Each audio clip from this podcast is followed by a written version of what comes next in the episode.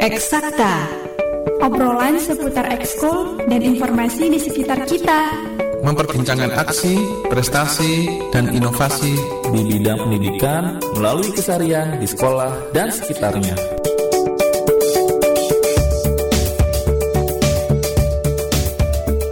Assalamualaikum warahmatullahi wabarakatuh. Apa kabar semuanya, sahabat edukasi? Senang sekali kita di acara Eksakta kembali mengudara mengangkat kembali topik-topik yang menarik ya di dunia pendidikan. Hari ini seperti biasa kami berterima kasih sekali sudah bisa mengundang bapak-bapak narasumber. Ini hari ini ada empat orang bapak-bapak narasumber, dua orang dari Pusdatin dan dua orang perwakilan Duta Rumah Belajar.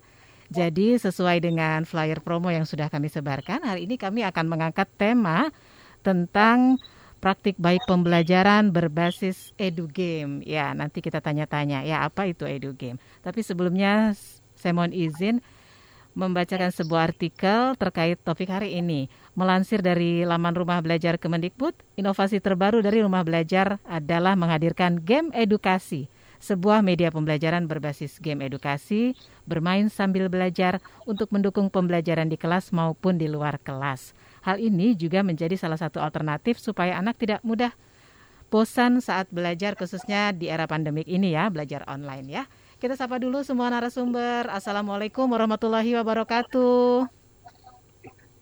Waalaikumsalam warahmatullahi wabarakatuh. Terima kasih Bapak-bapak di tengah kesibukan tuh masih pakai baju dinas ya, Bapak-bapak semua. Pak Agus pakai baju batik.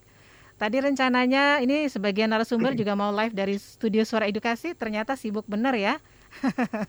Live-nya dari berbagai tempat ini. Monggo satu persatu dari narasumber kami memperkenalkan diri.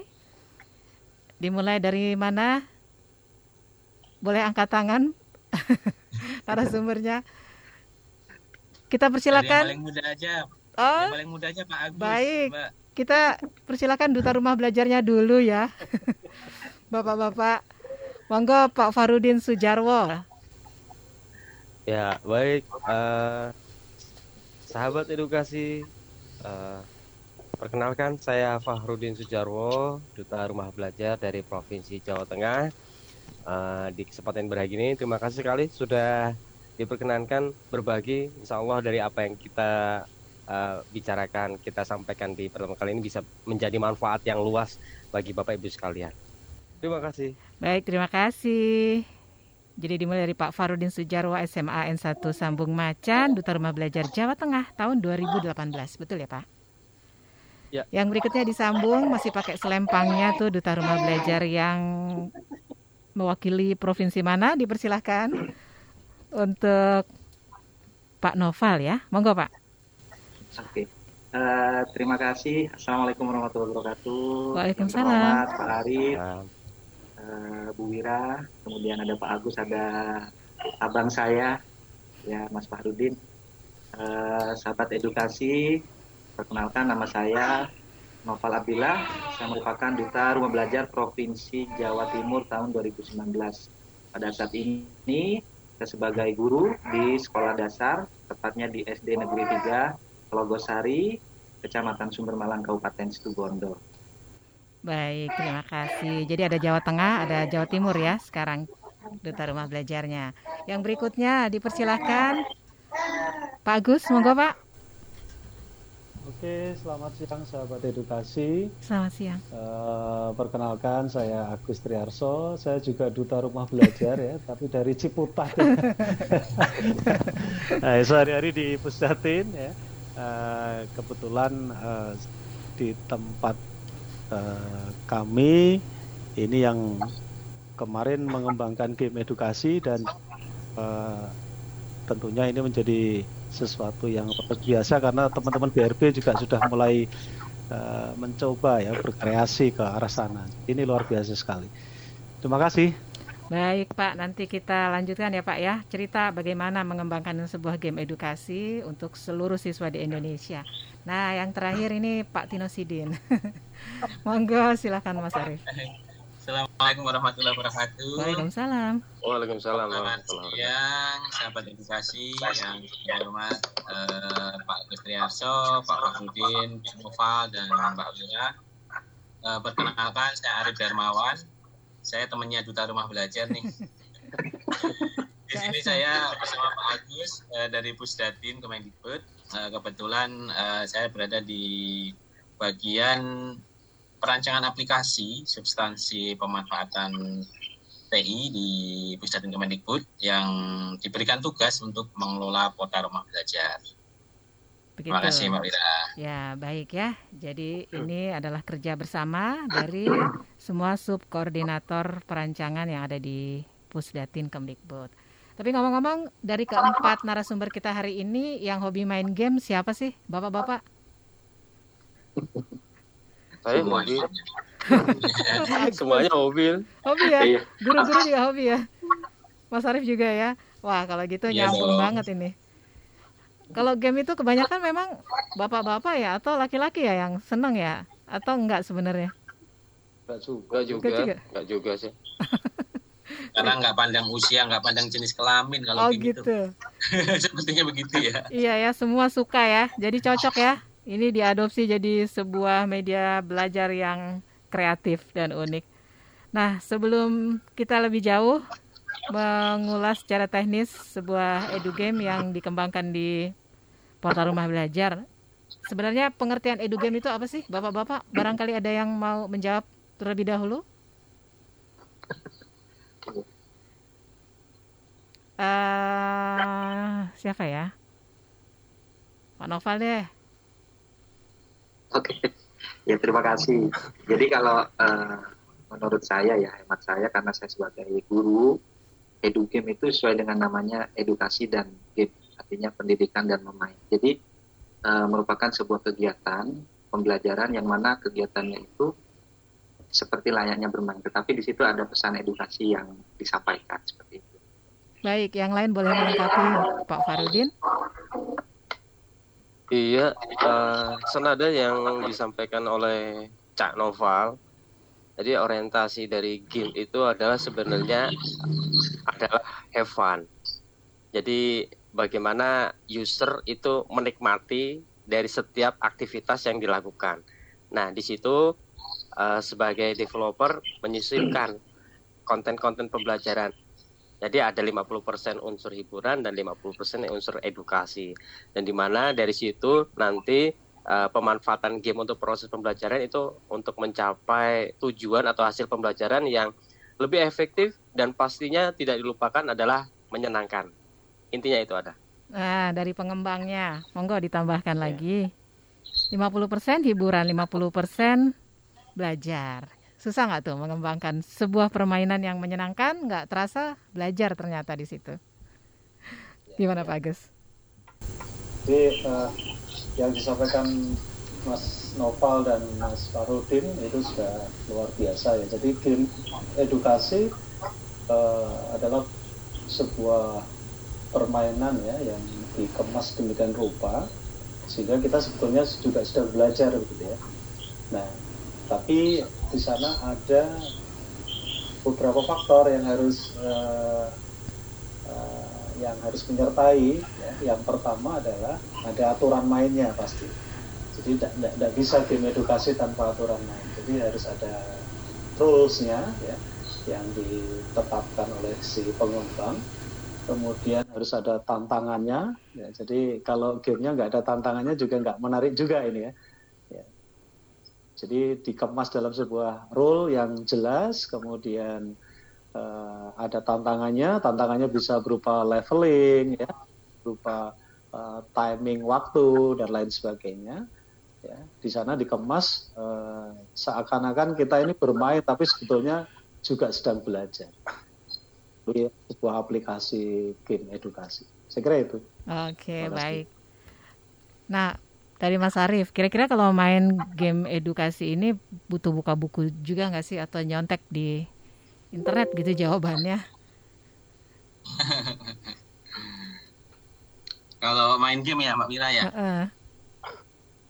Kalau saya lihat eh, teman-teman duta rumah belajar itu luar biasa. eh, tidak hanya bermain seperti yang saya sampaikan Pak Agus, tapi memang harus ada langkah-langkah apa sih yang harus dilakukan oleh seorang guru supaya tidak hanya bermain game akhirnya, tapi memang game ini adalah untuk pembelajaran gitu, Mbak Mira. kalau kita melihat merujuk dari bapak pendidikan kita ya Ki Hajar Dewantara beliau itu kan pada waktu dulu itu menamakan sekolah itu taman kan kalau nggak salah ya Betul. taman siswa gitu ya taman apa lagi ya saya lupa deh itu eh, tingkat kata taman itu pun tidak tidak asal gitu dipilih gitu. Karena taman itu kan suatu tempat bermain gitu ya. kalau di zaman dulu itu kan eh, tempat bermain anak itu bukan di game zone ya tapi di taman. Kemudian tempatnya teduh tenang tentunya menyenangkan. Kalau anak-anak di sana pastinya mereka eh, gembira dan ya waktunya tidak akan berasa sampai eh, sore itu di taman tersebut. Sehingga prinsipnya adalah pendidikan itu harus menyenangkan gitu kan. Belajar itu adalah proses kegembiraan gitu sehingga dengan edu game ini akan sangat-sangat eh, mendukung dan mewujudkan hal tersebut gitu mbak Mira. Iya, kalau belajar hatinya sudah senang, masuk ya mungkin ya semua materi-materi pelajarannya dengan lebih mudah ya. Yoi. Iya betul. Nah ini sebuah edu game dikembangkan itu kira-kira sejak kapan ya atau menjadi populer sebagai media belajar barangkali bapak-bapak bisa menjawabnya. Tren ini kapan sih muncul?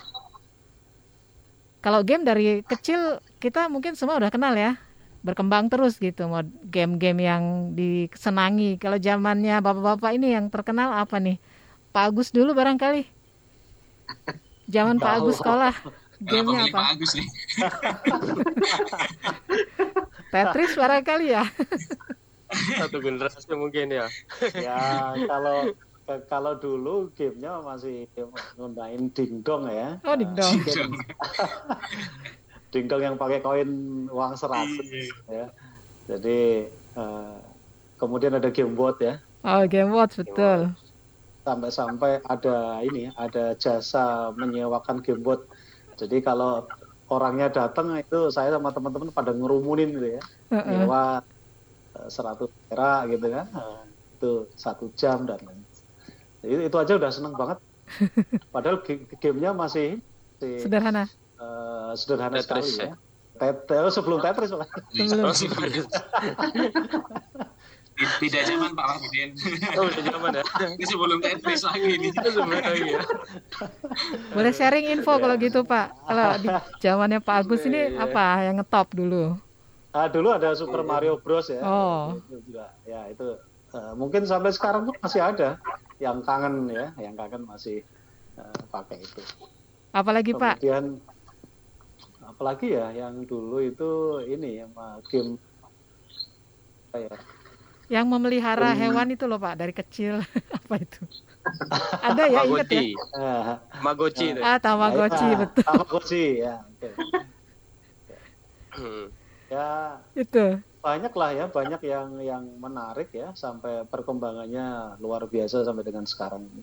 Kalau ditanya kapan game edukasi lahir atau dikembangkan eh, sebetulnya kalau kita melihat trennya ya trennya mungkin ini ya setelah 2010 ya setelah 2010 itu kan mulai berkembang aplikasi-aplikasi di handphone ya kemudian ada Play Store ya. Dan itu akhirnya mulai marak ya. Eh, jadi saya pikir perkembangan yang signifikan itu setelah 2010 ya. Apalagi dibantu adanya Play Store orang mendapatkan game dengan mudah dan dengan cepat gitu ya. Jadi nginstalnya juga ringan. Jadi itu sih. Kalau di rumah belajar kan 2000 berapa Mas Arief? 2019 ya eh 2020 ya 2020 Eh 20 ya Pak ya. ya, ya. 2020 ya launching. launchingnya itu Loncengnya. kira-kira itu sih Oh iya. Baik, ada yang mau menambahkan lagi cerita-cerita dulu sedikit versinya Ya, masing-masing kalau- narasumber. Mas Arief Kalau apa? versi saya, ya saya 11-12 dengan Pak Agus nih ya. Jadi kata dingdong itu lama banget saya nggak dengar itu. Benar banget tuh dingdong saya Pak Agus. Selain game watch, kalau game watch kan ya lebih murah lah gitu ya karena mereka ke sekolah-sekolah gitu kan dan barangnya kecil. Kalau dingdong itu kan udah monitornya gede gitu Pak ya. saya harus ke pusat kota waktu itu. Saya kan di kampung nih di Klaten, Mbak Wira, Oh, antara Jogja Solo. heeh. Itu kalau dari rumah itu harus ke gornya Klaten tuh yang ada dingdong paling dekat gitu. Itu naik sepeda, panas-panasan gitu. Dulu jalan kaki ya, naik sepeda jalan kaki ya. Serunya itu di masukin situ. uang 100 perak gitu, main sebentar mati gitu kan. Hmm. sebenarnya kata bagus tadi harus ada tantangannya saya dulu seneng main Superman kayak gitu yang timnya itu kan baru eh, masukin 100 perak baru berapa menit udah ketembak mati saya masukin lagi biar nyambung lagi habisin duit juga malah ternyata ternyata itu- mahal juga pak ya akhirnya Pak, anu apa pesawat yang 1942 itu? Oh ya itu juga keren pak ya ya ya, ya betul betul betul. Itu kalau pengen kalau udah mati pengen lanjut ya harus masukin koin lagi pak ya. Ya. akhirnya yauduh benar-benar menantang menantangnya di situ sih pak ya. Jadi pengennya ya jangan mati. Kita pengen ketemu lagi musuhnya tambah besar. Biasanya pesawatnya nanti ketemu lagi kitanya tambah besar. Seru banget itu. Jadi daya Ah, tariknya memang luar biasa ya sebuah permainan dalam kemasan game itu ya dari dulu ya, bapak-bapak ya. iya dan saya lihat semakin murah sekarang ya. Kalau yang Hmm. saya ceritakan awal tadi memang kita bilang cuma 100 perak zaman itu. Tapi kalau 100 perak itu cuma berapa menit mati. Kita pengen lanjut nyambung terus bisa habis. Ribuan akhirnya gitu kan. Kira sekarang yang penting ada koneksi internet beres kan gitu. Iya. Jadi ini yang ditangkap sama dunia pendidikan ya, bapak-bapak ya. Aduh, ini kok yang buat anak-anak betah, diam di satu titik gitu, berjam-jam waktunya nggak terasa, jadi nggak bete ya anak-anak ya. Apalagi pandemi. Keren banget gitu, ada yang memikirkan ini dikemas untuk sebuah pembelajaran. Kalau Pak Farudin dulu gimana? Zaman-zaman kecil apa zaman sekarang? Gamenya Eh, favoritnya apa? ya kurang lebih hampir sama Pak Arif ya. Seera Cuma dong. beda di- generasi sedikit ya. Beda generasi sedikit ya. saya di bawahnya. Saya juga sempat merasakan dingdong. Sempat merasakan dingdong, kemudian juga sempat punya punya rental PS saya dulu, Wah. PlayStation. Jadi saya sempat menyewakan untuk waktu itu zamannya masih PS1 dan PS1, kemudian PS2 dan alhamdulillah jelek-jelek begini saya pernah jadi juara winning eleven waktu Oh. di waktu di kampus. Jadi waktu pas awal-awal PS eh, PlayStation 1 itu kan saya zaman-zaman awal kuliah. Nah, itu kan ada ada kompetisi untuk pertandingan winning eleven sepak bola. Dan di situ eh, jadi apa ya? Jadi nyandu ya Pak Arif ya, Pak Agus ya, Pak Noval. Jadi dari perma dari game tersebut dan nah, terus ya, terus berkembang sampai saat ini bahkan sekarang sudah sekarang sudah zamannya cloud streaming ya, di mana pada waktu itu eh, saya harus eh, beberapa apa menginstalkan ya, menginstalkan kayak misalnya game di komputer yang membutuhkan VGA, yang membutuhkan resource komputer yang cukup besar. Saat ini tidak seperti itu Bapak Ibu sekalian. Jadi untuk saat ini kita hanya membutuhkan handphone dan koneksi internet yang stabil dan itu kita sudah cloud streaming. Jadi untuk perkembangan game saat ini luar biasa pesat sekali ya apalagi di saat ini sudah revolusi 4.0 di mana eh, teknologi semakin canggih dan ini sekaligus bisa menjadi tantangan bagi kita sendiri untuk pengembang game baga- baga- bagaimana kita memanfaatkan untuk eh, sumber daya yang ada saat ini bisa dimanfaatkan untuk proses pembelajaran yang tentunya eh, harapannya pembelajaran tersebut menyenangkan bagi siswa dan tertarik untuk belajar dan terus belajar. Wah, ini Begitu seorang seorang gamer sejati ini ya sampai ikut kompetisi. Pas ada edu game di portal Rumah Belajar, senang banget dong Pak Farudin ya. Ya, tentu saja. Jadi itu mengobati kerinduan saya ya. Mengobati kerinduan saya ketika saya dulu waktu zamannya sekolah, zamannya kuliah dulu yang tidak lepas-lepas dari rental PS ya. Pada waktu itu masih PlayStation ya. Kalau saat ini kayaknya sudah tidak ada ya. Kalau saat ini kan sudah beralih ke eh, gaming, streaming gaming ya, menggunakan eh, handphone seperti PUBG, Mobile Legends dan lain sebagainya gitu. Oke, terakhir Pak Noval. Gimana Pak? Kalau Pak Noval versinya gimana? Jadi saya masih ini ya masih menangi yang zamannya Sega waktu itu ya. Itu Oh. masih saya masih SD. Dan saya bukan bukan orang yang punya alat itu, tapi saya juga eh, bermain di rumah teman. Kemudian saya mencoba untuk bermain di itu. Ya memang eh, rasanya senang ya, karena memang itu merupakan hal yang baru menurut saya pada waktu itu. Kemudian membuat ketagihan, artinya sekali mencoba pinginnya coba lagi. Gitu.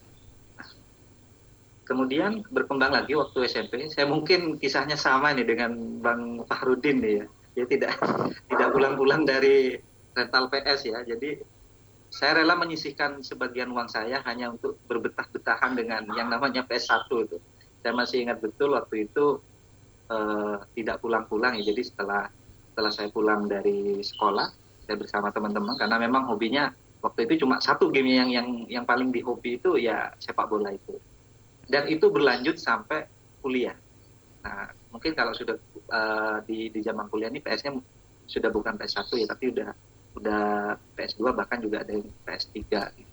Tetapi setelah itu, setelah lulus baru baru mengurangi mengurangi sehingga untuk saat ini beralih beralih mode nih dari yang semula pegang stick sekarang beralih mode menjadi pegang handphone atau smartphone masing-masing. Seperti itu. Uh, jadi kayaknya memang kalau dari semua narasumber 100% semuanya suka games ya. Atau memang nggak ada yang nggak suka games ya sebetulnya ya anak-anak ya? Pengalamannya bapak-bapak gimana nih? Anak-anaknya bapak-bapak siswa-siswinya? Rata-rata semua suka ya games ya waduh itu hal yang paling disenangi tuh game tuh bahkan menyenangkan iya benar sekali jadi tidak terbantahkan untuk generasi kapan pun semuanya suka main game ya. Sebenarnya sensasinya di mana sih bapak-bapak? Karena saya nggak ngerti gitu. Kalau ibu-ibu tuh segandrung apa juga sama games ya. Ingin tahu. Kayaknya kebanyakan yang lebih dominan nih bapak-bapak nih atau anak laki-laki ya.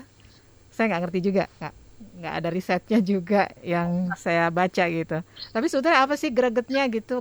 kok kayaknya memang betah gitu duduk diam di tempat tapi kayak penasaran aja sensasinya di mana sih bermain games itu sampai-sampai mungkin bapak-bapak pernah dengar nggak ada orang tua tuh yang dibikin frustrasi karena anaknya tuh nggak mau melakukan apa pun selain main game sampai lupa sekolah dan seterusnya sampai ada yang drop drop out kuliah gara-gara game tapi sekarang game ditarik nih untuk jadi sebuah media pembelajaran gitu keren banget kan Gimana? Ya, kalau menurut saya sih ini Bu, Wira untuk sensasi menyelesaikan setiap chapternya gitu kita ada tantangan. Wah, ini ada musuh yang belum ter apa terkalahkan ya. Dan dari situ kan ada apa ya? Ada kesenangan untuk terus terus dan terus untuk me menyelesaikan yang belum terselesaikan, Mas.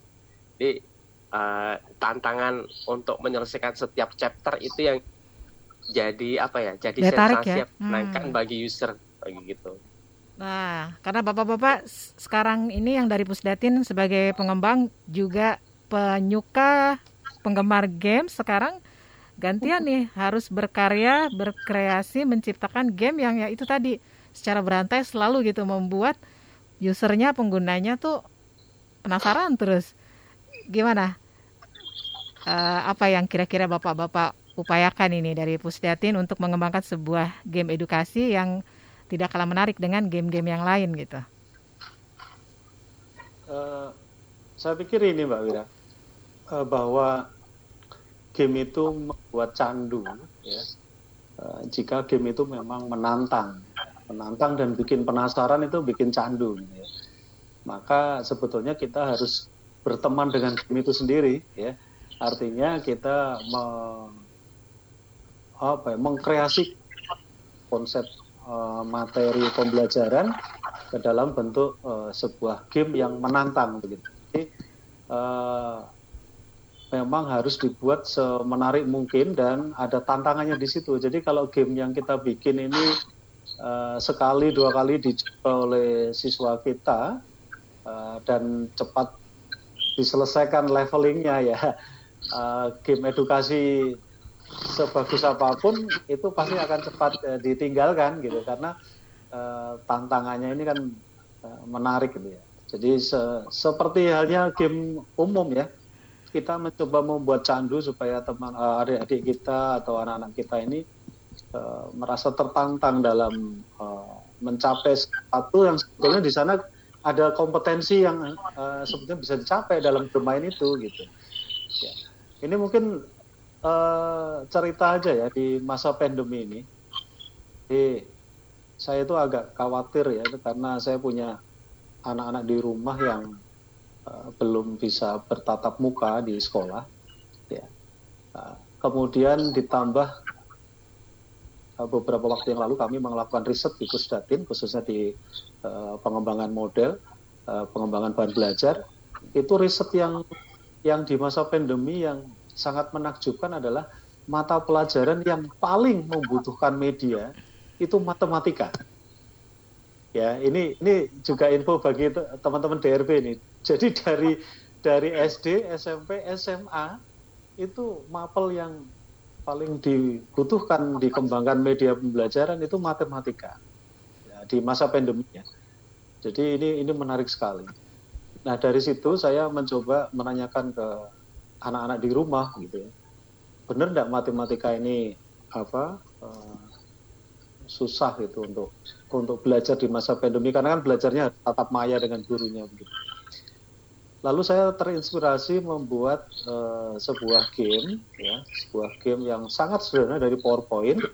Kemudian isinya padahal sederhana aja, gitu ya.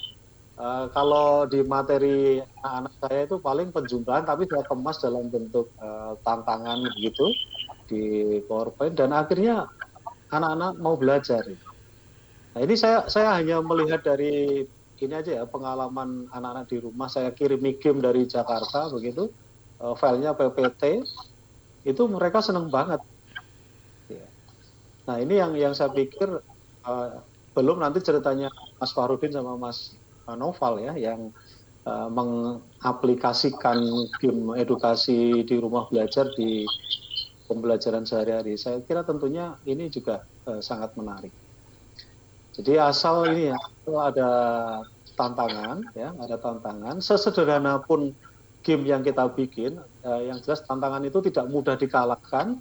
Saya pikir ini menarik. Ya. Tapi uh, kita bisa bayangkan ya, kita bikin game atau mencoba game yang dalam satu dua kali kesempatan, terus kita selesai finish, ya sudah gamenya nggak berarti lagi kan begitu. Saya kira itu yang yang perlu juga diperhatikan dalam mengembangkan sebuah uh, game. Terima kasih. Iya. Contohnya seperti apa sih Pak Agus? Game anak SD ya, matematika. Kalau tingkat kesulitannya ya. berarti makin tinggi ya? Dengan jenjang ya, jadi, yang lebih tinggi. Uh, jadi saya saya bikin ini, saya bikin sudah bikin 15 pertanyaan. Tetapi uh, pertanyaan itu saya sembunyikan di kotak-kotak gitu. Ya, kotak ketika kotaknya diklik harus harus urut dulu uh, kotak yang pertama di karena kotak kedua sampai 15 itu belum aktif gitu ya klik uh, kotak pertama muncul. Soalnya hanya penjumlahan aja sih misalkan 5 tambah 4 kali 9 berapa.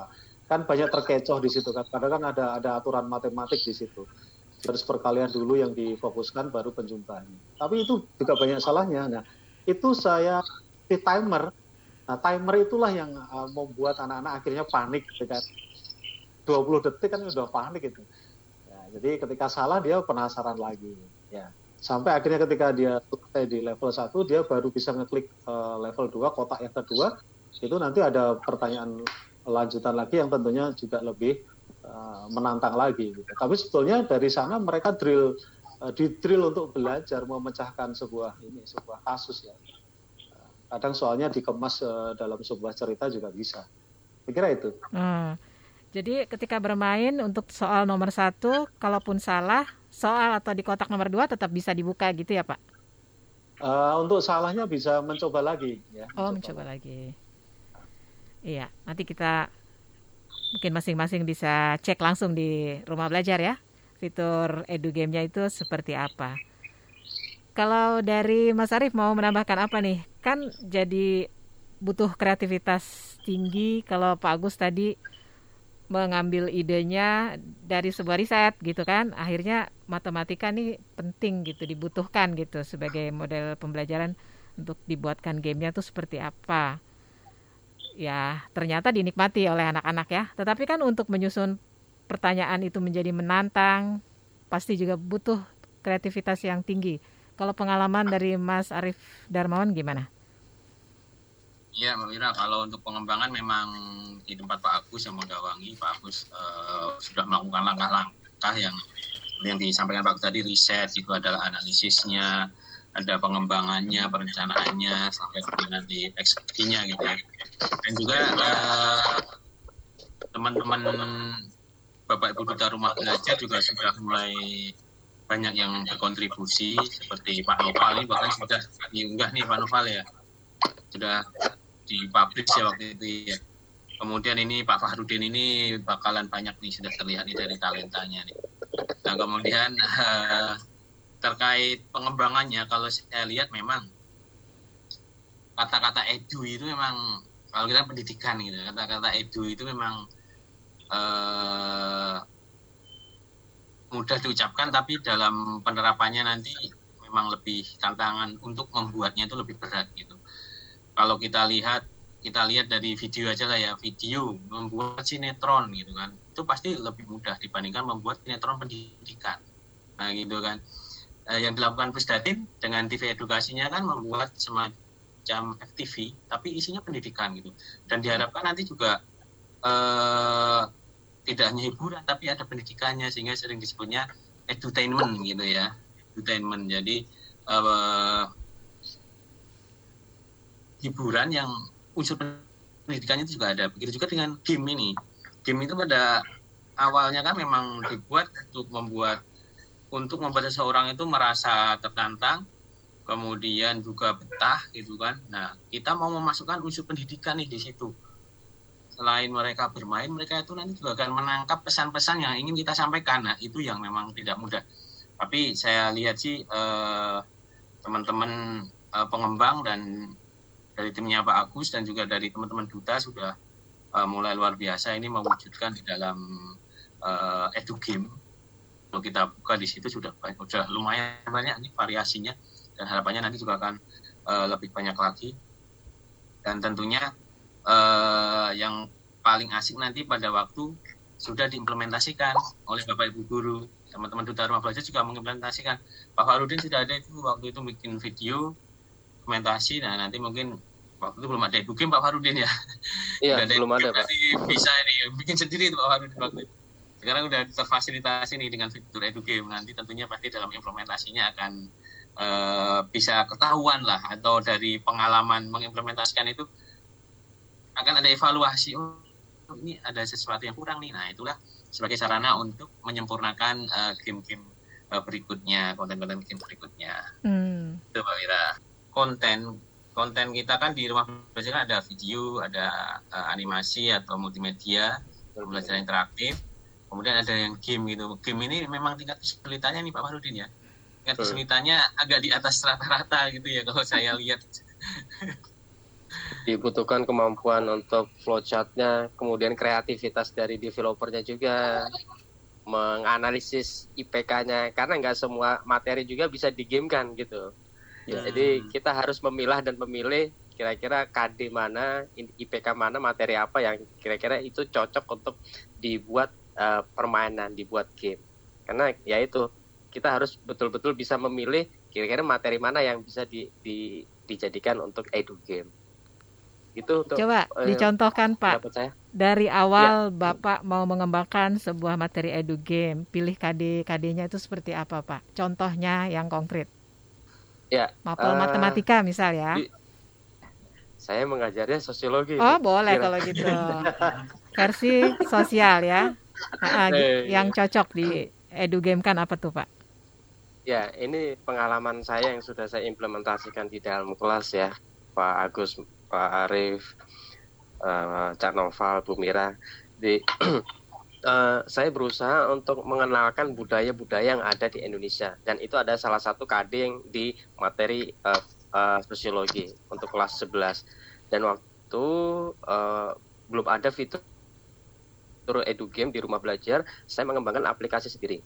Pada waktu itu saya, saya membuat dengan menggunakan PowerPoint kemudian saya konversi menjadi HTML5 dari HTML5 konversi menjadi APK dan di situ uh, game yang yang saya saya kreasi itu game kolaboratif. Artinya di, uh, game tersebut tidak dijalankan secara uh, individual mandiri. Jadi game tersebut uh, dipergunakan untuk kelompok asumsinya saya asumsikan dalam satu kelompok dalam satu kelas itu ada 32 siswa. Kemudian saya bagi menjadi empat empat kelompok. Dan di masing-masing kelompok itu punya perannya masing-masing. Ada satu yang sebagai leader dia leader untuk me, me, melihat ya melihat pertanyaan-pertanyaan yang ada di game tersebut. Dan untuk anggota yang lainnya dia menjawab berpartisipasi untuk menyelesaikan tantangan yang yang saya buat di dalam game tersebut dan itu dibutuhkan kolaborasi antar dibutuhkan kolaborasi antar tim satu tim dengan timnya lainnya itu saling cepet-cepetan dan itu dari game tersebut nanti akan memunculkan sebuah kata yang perlu disusun menjadi uh, kata yang bermakna. Contohnya Indonesia. Dan itu saya menggunakan fitur peta budaya. Saya sangat terima kasih sekali ke Pusdatin Rumah Belajar. Fitur peta budaya itu betul-betul sangat uh, bermakna ya, sangat apa ya, sangat bermanfaat untuk saya khususnya untuk mata pelajaran sosial. Jadi dari situ saya mengembangkan konten bagaimana konten tersebut uh, saya buat menjadi desain desain pembelajarannya, model dan metodenya dengan menggunakan edu game dan itu luar biasa. Kelas itu betul-betul pecah gitu ya. Jadi tidak ada yang hanya diem sambil melihat dia punya kontribusinya masing-masing. Jadi ada yang lari ke sana, ada lari ke sini. Jadi wah itu luar biasa betul-betul menghidupkan suasana anak itu untuk semangat untuk belajar. Nah itu feel itu yang sebenarnya yang kita cari. Jadi di mana siswa itu betul-betul dia merasa tertantang dengan belajar dengan tantangan yang kita buat dan di situ uh, sama sekali tidak ada siswa yang mengantuk atau yang ngelampu sama sekali. Itu iya. pengalaman saya ya memanfaatkan game dalam proses pembelajaran. Itu sejak kapan Pak? Uh, itu saya inisiasi sejak mulai sebelum menjadi duta rumah belajar ya. Di tahun 2018 ya. Jadi ketika uh, ada pengumuman alhamdulillah saya mendapat amanah menjadi duta rumah belajar tahun 2018 sebelum saya berangkat ke hotel hotel Sultan pada waktu itu ya uh, hotel Sultan untuk anugerah Ki Hajar itu saya mengembangkan itu dan alhamdulillah luar biasa responnya anak-anak uh, sangat sangat apa ya sangat tertarik sekali. Jadi dari dari mulai di tahun 2018 ini 2019 dan 2020 sayang sekali tidak bisa karena kita uh, pandemi ya kita pandemi jadi di dua tahun itu di di materi di, di setiap semesternya itu ada paling tidak salah satu materi yang yang saya buat untuk model yang pembelajarannya berbasis game jadi saya memanfaatkan untuk model pembelajaran berbasis game itu betul-betul saya implementasikan secara uh, kolektif kolaborasi antar tim. Boleh tahu Pak? Itu, Ibu Belajarnya di ya. mana ya? dulu Pak? Otodidak, cari-cari sendiri di YouTube atau ada workshop yang diikuti? Uh, kalau kalau inspirasinya ya Bu Mira ini saya sering lihat website dari luar negeri gitu ya yang berbahasa Inggris gitu. Nah dari situ saya dapat inspirasi ya meskipun saya harus mentranslate terlebih dahulu, paling tidak saya saya paham konsepnya konsepnya itu seperti apa. Dan yang saya lakukan ini saya lihat di uh, di internet di Google yang yang yang referensinya seperti yang saya lakukan itu belum ada gitu.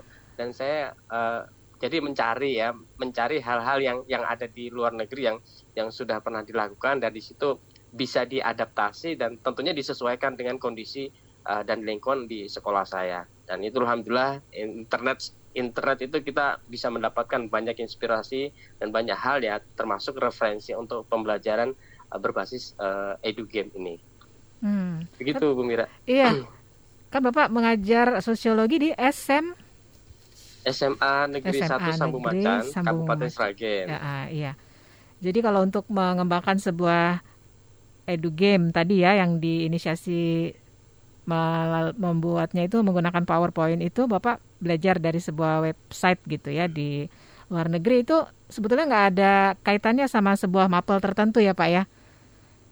Untuk modelnya Ibu, mm -hmm. untuk model untuk model pembelajaran mengimplementasikan edu game itu. Tapi kalau untuk uh, membuat konten HTML5 atau EPA kalian membuat PowerPoint memang sudah sudah ada ya di website website Indonesia itu sudah sudah ada. Hmm. Tapi idenya itu kan penting sekali. Ide bagaimana kita bisa mengimplementasikan edugame itu dalam proses pembelajaran dan itu saya dapatkan dari luar. Hmm. Nah, sekarang pengalamannya Pak Noval sendiri untuk seorang guru sekolah dasar nggak mau kalah ya dengan guru SMA ya.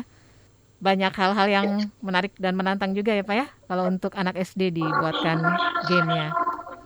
Kalau ya. Bapak gimana perjalanannya? sekali. Oke, mungkin saya akan berbicara tentang pengalaman dulu ya. Artinya uh, bagaimana saya menggunakan fitur edugame yang ada di rumah belajar untuk kegiatan uh, ini untuk kegiatan belajar siswa. Nah, pada kondisi saat ini saya memang sudah berulang-ulang kali ya. Artinya saya mencoba untuk mengajak siswa saya itu tidak monoton gitu ya. Terlebih uh, saya sangat setuju dengan pendapatnya Pak Agus tadi bahwa matematika itu adalah uh, mata pelajaran yang memang lebih banyak membutuhkan media. Gitu. Nah, jadi banyak fitur atau banyak uh, konten edu game yang ada di rumah belajar itu yang kontennya memang matematika. Dan di situ saya hampir semuanya, hampir semuanya mungkin dari peluncuran yang awal itu saya sudah menggunakan. Jadi yang saya yang sering saya gunakan sebagai awal untuk membuka kegiatan pelajaran khususnya mata pelajaran matematika itu saya menggunakan petualangan ruang angkasa. Nah, itu itu yang saya yang saya gunakan. Nah, kemudian respon siswa saya itu sangat antusias. Antusiasnya tadi itu terlihat ketika level dari game itu selesai gitu ya. Jadi mau ke level 2 siswa itu menantang lagi. Waduh pak kurang pak. Ayo ditambah lagi gitu. Karena kan semakin tinggi levelnya tentu di situ kan e, semakin sukar ya atau semakin sulit untuk dipecahkan.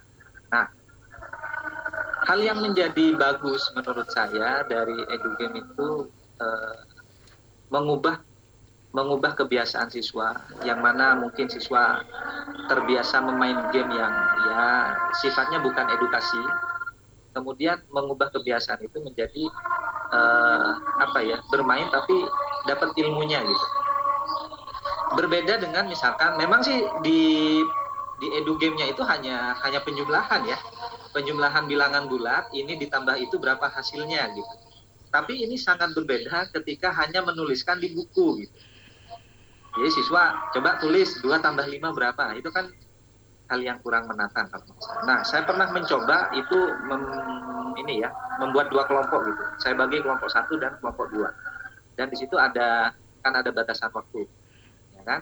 Ayo kelompok satu berapa? Nah itu saling saling ini saling melontar ke jawaban gitu ya. Ini jawabannya, itu jawabannya ternyata tahu-tahu salah. Akhirnya kelompok satu kalah dengan kelompok dua. Nah di sini uh, sangat interaktif ya kalau kita bisa memanfaatkan semaksimal mungkin uh, dari fitur edugame yang yang ada. Selain itu juga kalau tadi kan ada kemampuan ini ya apa kemampuan instrumental ya. Artinya uh, game itu biasa dilakukan. Artinya sudah biasa sih siswa itu menghitung tapi tidak dengan uh, tidak dengan kegiatan yang seperti edu game itu. Nah itu kan hmm instrumental, artinya kegiatan yang sudah diulang-ulang dan itu jauh menjadi lebih menarik uh, ketika mampu menghadirkan edugame dalam pembelajaran. Nah, kemudian pengalaman yang kedua, saya menggunakan uh, ini ya menyusun telur.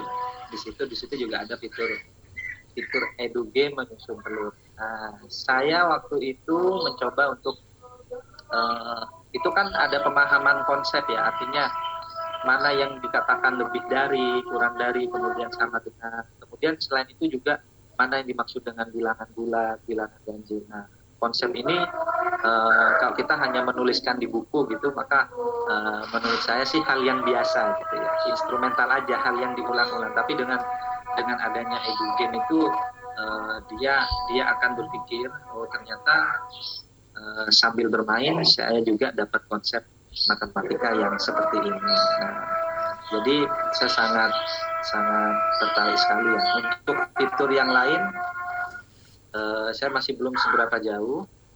Cuman untuk mengembangkan konten edu game ya. Sementara yang saya kembangkan, saya mendapat ilmu itu ya dari dari duta rumah belajar ya, dari dari menjadi duta rumah belajar saya banyak banyak mendapatkan ilmu mobil khusus ini dari Pusdatin terutama bagi saya sangat uh, berterima kasih karena telah memberikan saya ilmu sehingga uh, apa ya pemikiran-pemikiran untuk mengembangkan konten edu game itu juga juga ada. Sementara sih yang saya buat dan yang saya gunakan itu saat ini itu hanya uh, drag and drop. Jadi jadi hanya membuat game drag and drop. Tapi di situ mungkin uh, dalam muatan pelajarannya itu muatan pelajaran ini ya uh, apa IPA. Cuman di situ drag and dropnya itu saya gunakan uh, menyusun kata. Artinya dibuat di, diberi sebuah pertanyaan, kemudian nanti ada ada sebuah huruf acak dan siswa itu menyusun menyusun huruf itu untuk menjadi sebuah jawaban. Jadi uh, masih sebatas itu. Untuk pengembangan yang lain uh, saya masih belum belum belum mampu ya. Artinya membuat game yang lebih expert lagi saya masih belum bisa. Seperti itu. Iya baik. Tadi sudah terdengar panggilan azan asyar ya di daerah Jawa Timur ya Pak ya? Iya benar. Iya mohon maaf ya. Jadi diinterupsi masih dengan berlangsungnya acara kami ucapkan selamat menjalankan ibadah sholat asyar bagi warga Jawa Timur dan sekitarnya. Bapak-bapak, sebelum kita lanjutkan kita break sejenak. Setelah itu kami kita setelah itu kita lanjutkan lagi ya. Eksakta obrolan seputar ekskul dan informasi di sekitar kita. Memperbincangkan aksi, prestasi, dan inovasi di bidang pendidikan melalui kesarian di sekolah dan sekitarnya.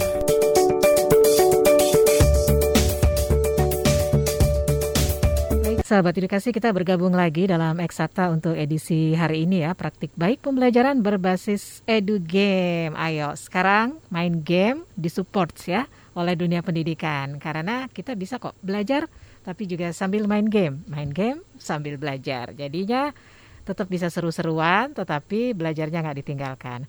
Kami ingin menyapa juga untuk yang sudah bergabung di live Instagram kami. Terima kasih untuk Kak Yopian. Kemudian ada Kak Wekayana, Kak Kotimah Irna, Adik Yantipus, Kemudian siapa lagi? Ada Kak Lulu SBLN ya. Adik Apri. Kemudian Kak Endah Fajar 2, Kak Aan Pabrakasta 48 Maheswari Raisya. Dan siapa lagi yang berikutnya? Hmm, ada Kak Aryani atau Ibu Aryani barangkali ya, Ibu Aryani Mawardi, Kak Hanibi, dan lain-lain ya. Terima kasih. Bila ada yang ingin disampaikan kepada narasumber boleh ya tulis di kolom komentar. Baik, Bapak-bapak narasumber terima kasih. Kita sudah jeda sejenak tadi mendengarkan sebuah instrumentalia. Nah, yang berikutnya barangkali kita ingin tahu juga nih fitur-fitur edu game yang ada di portal rumah belajar itu apa saja sih? Mas Arif? Fitur edu game dirilis atau dilonceng di portal Rumah Belajar bertepatan dengan HUT Rumah Belajar ke 9 tahun yaitu pada tanggal 15 Juli tahun 2020. Pada waktu pertama kali launching eh, kontennya berjumlah 13 game pada waktu itu, pada waktu pertama launching. Sampai dengan sekarang fitur edu game ini sudah uh, dikunjungi sebanyak 91.350 kunjungan di mana itu merupakan uh, hampir 2% dari jumlah kunjungan yang ke portal rumah belajar dan sekarang jumlah konten edugame-nya pun juga sudah bertambah menjadi 49 konten game. Judulnya antara lain unsur adventure, match game relasi fungsi, nyanyuk adventure, mamat adventure, journey of ecosystem, memanen apel, pH shot, menimbang buah, menata bola, buffer hunt, diriku, snack chemical bonding, petualangan antariksa volume 1, virus escape, integral plan, belajar rambu lalu lintas, smart shopping, find the different, mondic plan, energi berubah, menghitung waktu, kegemaran, koloid larva, mengukur panjang mainan, kenali COVID, gen rurik, menangkap balon, misi luar angkasa, escape corona, ayo dokter, petualangan antariksa volume, volume 3, mari mencerna makanan, mengumpulkan telur, petualangan antariksa volume 4, Species Force, jargon lia, kurirgo, memanen apel, belajar menyusun angka, benda bangun datar, animalia, bakteria, belajar profesi, finding hidrokarbon, toko masa, petualangan antariksa volume 2, menyusun angka, pancing kata, memperbaiki pagar. Dan tentunya jumlah konten edugame ini akan terus bertambah seiring dengan perkembangan produksi yang dilakukan oleh Portal Rumah Belajar dan tentunya kerjasama dengan pihak-pihak terkait. Dan Pak Agus ya? Ya, uh, untuk fitur game edukasi itu memang uh, ada beberapa jenis ya, ada beberapa jenis. Jadi ada jenis yang uh, semacam ini ya apa uh, kita menjodohkan ya. ya. Tadi yang Pak Noval udah cerita ya, menjodohkan, mencocokkan itu itu yang paling banyak sih ya. Kemudian strategi juga ada ya, khususnya untuk yang uh, untuk jenjang yang tinggi uh, seperti SMA ya, mengklasifikasikan ya. Uh, untuk game dari mapel kimia juga ada mengklasifikasikan, mengelompokkan Ya, dan tantangan ke depan memang uh, genre game ini kan harus lebih di ini ya, lebih di apa dilengkapi gitu ya.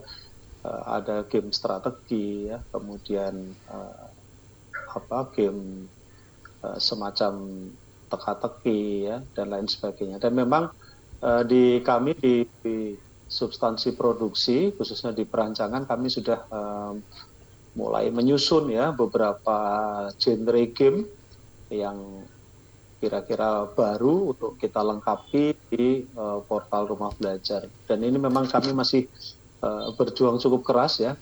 Selain tadi cerita Pak Farudin ya, jadi uh, tidak hanya ide sebenarnya, tetapi juga skill kompetensi teman-teman di produksi ini uh, memang sedang kami uh, poles lagi supaya semakin apa semakin bisa berkarya membuat inovasi-inovasi khususnya di game edukasi ini.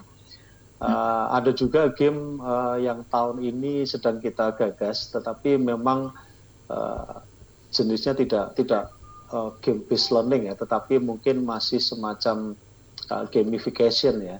Jadi uh, ada uh, project yang kami bikin namanya game siapakah aku jadi game ini lebih mengenal ke suatu objek, benda ataupun uh, apa ya istilahnya apa pun itu itu dikemas dalam sebuah materi yang nanti ada wujud 3D-nya, kemudian ada wujud 360-nya ya. Kemudian di sana disebutkan game untuk memperdalam lagi konsep uh, siapakah aku ini. Dan tentunya ketika uh, sebelum masuk ke materi dan gamenya itu ada beberapa kisi-kisi yang mengarah ke sana diwujudkan dalam beberapa pertanyaan. Jadi uh, game ini sangat sederhana dan kami akan bikin sekian seri gitu ya, serial gitu. Uh, tahun 2021 ini doain saja supaya uh, ini akan menambah uh, apa ya kekayaan game di portal rumah belajar dan tentunya juga game-game uh, lainnya ya saya pikir harus dilengkapi di genre-genre yang yang lainnya ya. Dan saya terus terang Mbak Wira ini senang sekali ya. Karena apa? Saya sama Mas Arief ini kan eh, apa ya istilahnya kami yang memproduce kemudian Mas Arief yang mensosialisasikan gitu ya.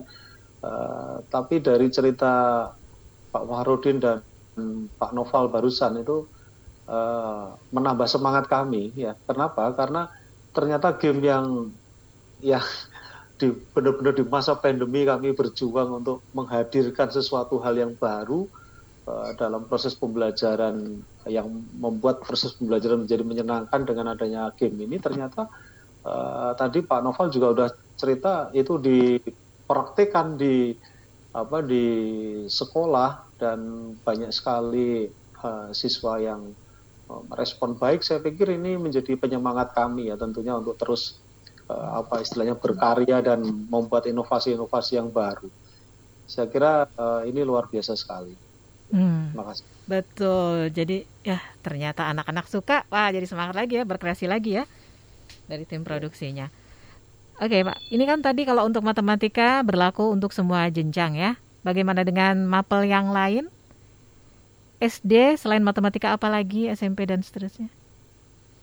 Ya rencana ke depan memang kita akan ini ya akan melengkapi tetapi sekali lagi tidak bisa pusdatin hanya bergerak sendirian tidak bisa karena kemampuan apa ya eh, kemampuan jumlah SDM kemudian uh, begitu banyaknya uh, mapel dan jenjang yang harus dipilih untuk dibuat dalam format game itu kan juga butuh uh, kerja keras yang luar biasa. Saya, saya pikir ini nanti mungkin Mas Arief ya kapan-kapan kita bikin forum lah ya forum bersama satu dua hari tiga hari bikin game gitu teman-teman DRB dan SRB gitu kan jadi sekali event itu sudah kita sudah bisa mendapatkan uh, sekian puluh game itu kan tapi dengan topik yang memang sudah kita matangkan bersama kemudian uh, format gamenya sudah kita siapkan, jadi tinggal nanti teman-teman eksekusi. Saya pikir ini juga uh, luar biasa ya, event-event seperti ini, ini juga penting ya. Selain di kami juga punya event lomba membatik ya, membuat bahan ajar TIK yang di sana ada kategori game edukasi.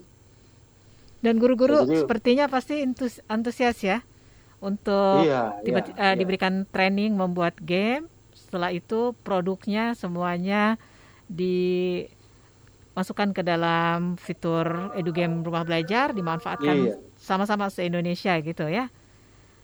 Nah, Pak Farudin selain Bapak sudah memproduksi berapa Pak untuk konten rumah belajar edugame kreasi Bapak? Untuk uh, saya lebih ke multimedia interaktifnya Ibu hmm. di di sumber belajar mendikutnya seperti itu. Baik, untuk sosiologi ya Pak ya, khususnya ya. Iya, untuk sosiologi sudah ada beberapa konten yang saya upload sudah hasil dari karya uh, peserta juga ya, peserta uh, dolmen atau pelatihan-pelatihan yang yang saya bersama rekan untuk uh, selenggarakan ya, selenggarakan saya berikan ruang untuk mempublish di situ. Sudah ada sekitar 10 konten Ibu di konten. rumah belajar. Mm -hmm. ya. Usul aja Mas Farudin. Iya Pak. Jadi nanti mungkin diadakan dolmen lanjut ya, dolmen lanjut tapi uh, ini bikinnya game edu gitu ya. oh, okay. men Siap, menarik itu. Iya betul. Itu nanti mungkin bisa di ini juga Pak Agus uh, untuk uh, kita diberikan ilmunya dari jenengan langsung. iya, kalau langsung dari masternya kan, wah dari Pak Agus ya, kita betul-betul memahami bagaimana flowchartnya, kemudian sampai detail-detailnya itu saya yakin luar biasa kawan-kawan guru di Jawa Tengah begitu. Siap kapan di jadwal aja ya. Oke. Siap Pak Agus. Tingkat kesulitannya setinggi apa sih Pak Agus untuk memberikan ya ilmu ini ya meramu sebuah konten pembelajaran berbasis edu game kepada guru-guru. Kalau sekarang ini apakah ya nggak sesulit yang dibayangkan atau memang ada sih kesulitan-kesulitannya? Ya, jadi sebetulnya ada dua tahapan ya. Mm-hmm. Tahapan yang saya pikir ini semuanya susah semua. Gitu. Jadi yang pertama yang disampaikan Mas Fahrudin di awal. Jadi uh, ketika kami melibatkan guru untuk menentukan topik uh, untuk diangkat menjadi sebuah uh, produk game itu pun minta ampun susahnya.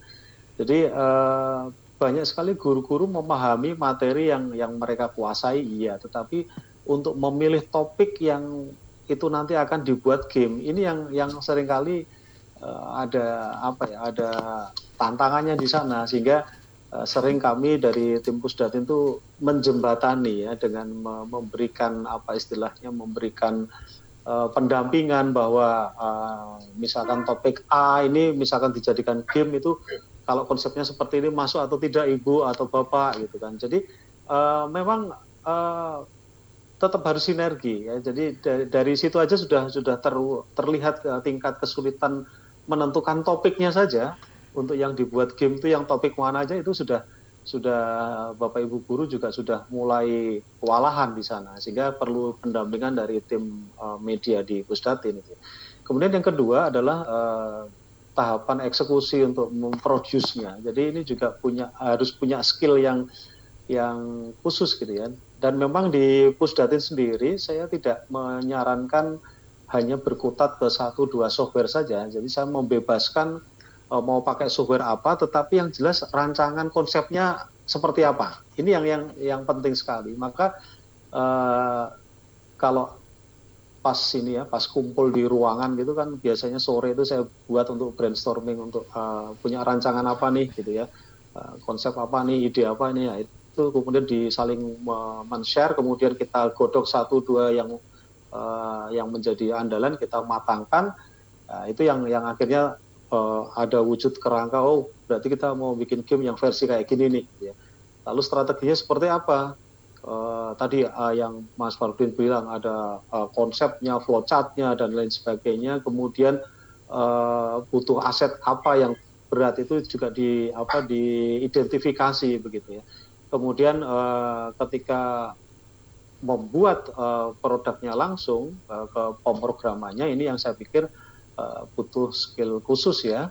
Nah, saya juga uh, sudah mengajak teman-teman bahwa software yang apa yang ringan-ringan pun yang mudah pun itu bisa kok dibuat game ya. Jadi uh, yang jelas uh, idenya yang paling mahal sebetulnya. Ya idenya yang paling mahal. Jadi kalau kita mau mewujudkannya pakai PowerPoint, pakai uh, apa uh, articulate, pakai smart apps creator atau pakai software apa pun itu tidak masalah ya. Tetapi bagaimana uh, mengkreasikan ide ke, ke pembelajarannya itu ke materinya itu yang saya pikir uh, menjadi unik gitu ya, menjadi mahal gitu ya. Uh, mungkin Mas Arief dan teman-teman DRB tahu sendiri yang di rumah belajar itu kan sebetulnya kalau kita melihat itu konsepnya kan sebetulnya materinya simpel gitu ya tetapi kita nggak pernah berpikir ternyata itu bisa dibuat game gitu. Jadi uh, ini yang yang yang saya pikir idenya yang yang menurut saya memang uh, harus apa ya harus ditumbuhkan terus. Dan uh, tidak mungkin teman-teman pusdatin sendiri tetapi juga tidak mungkin bapak ibu guru sendiri. Jadi memang harus kolaborasi.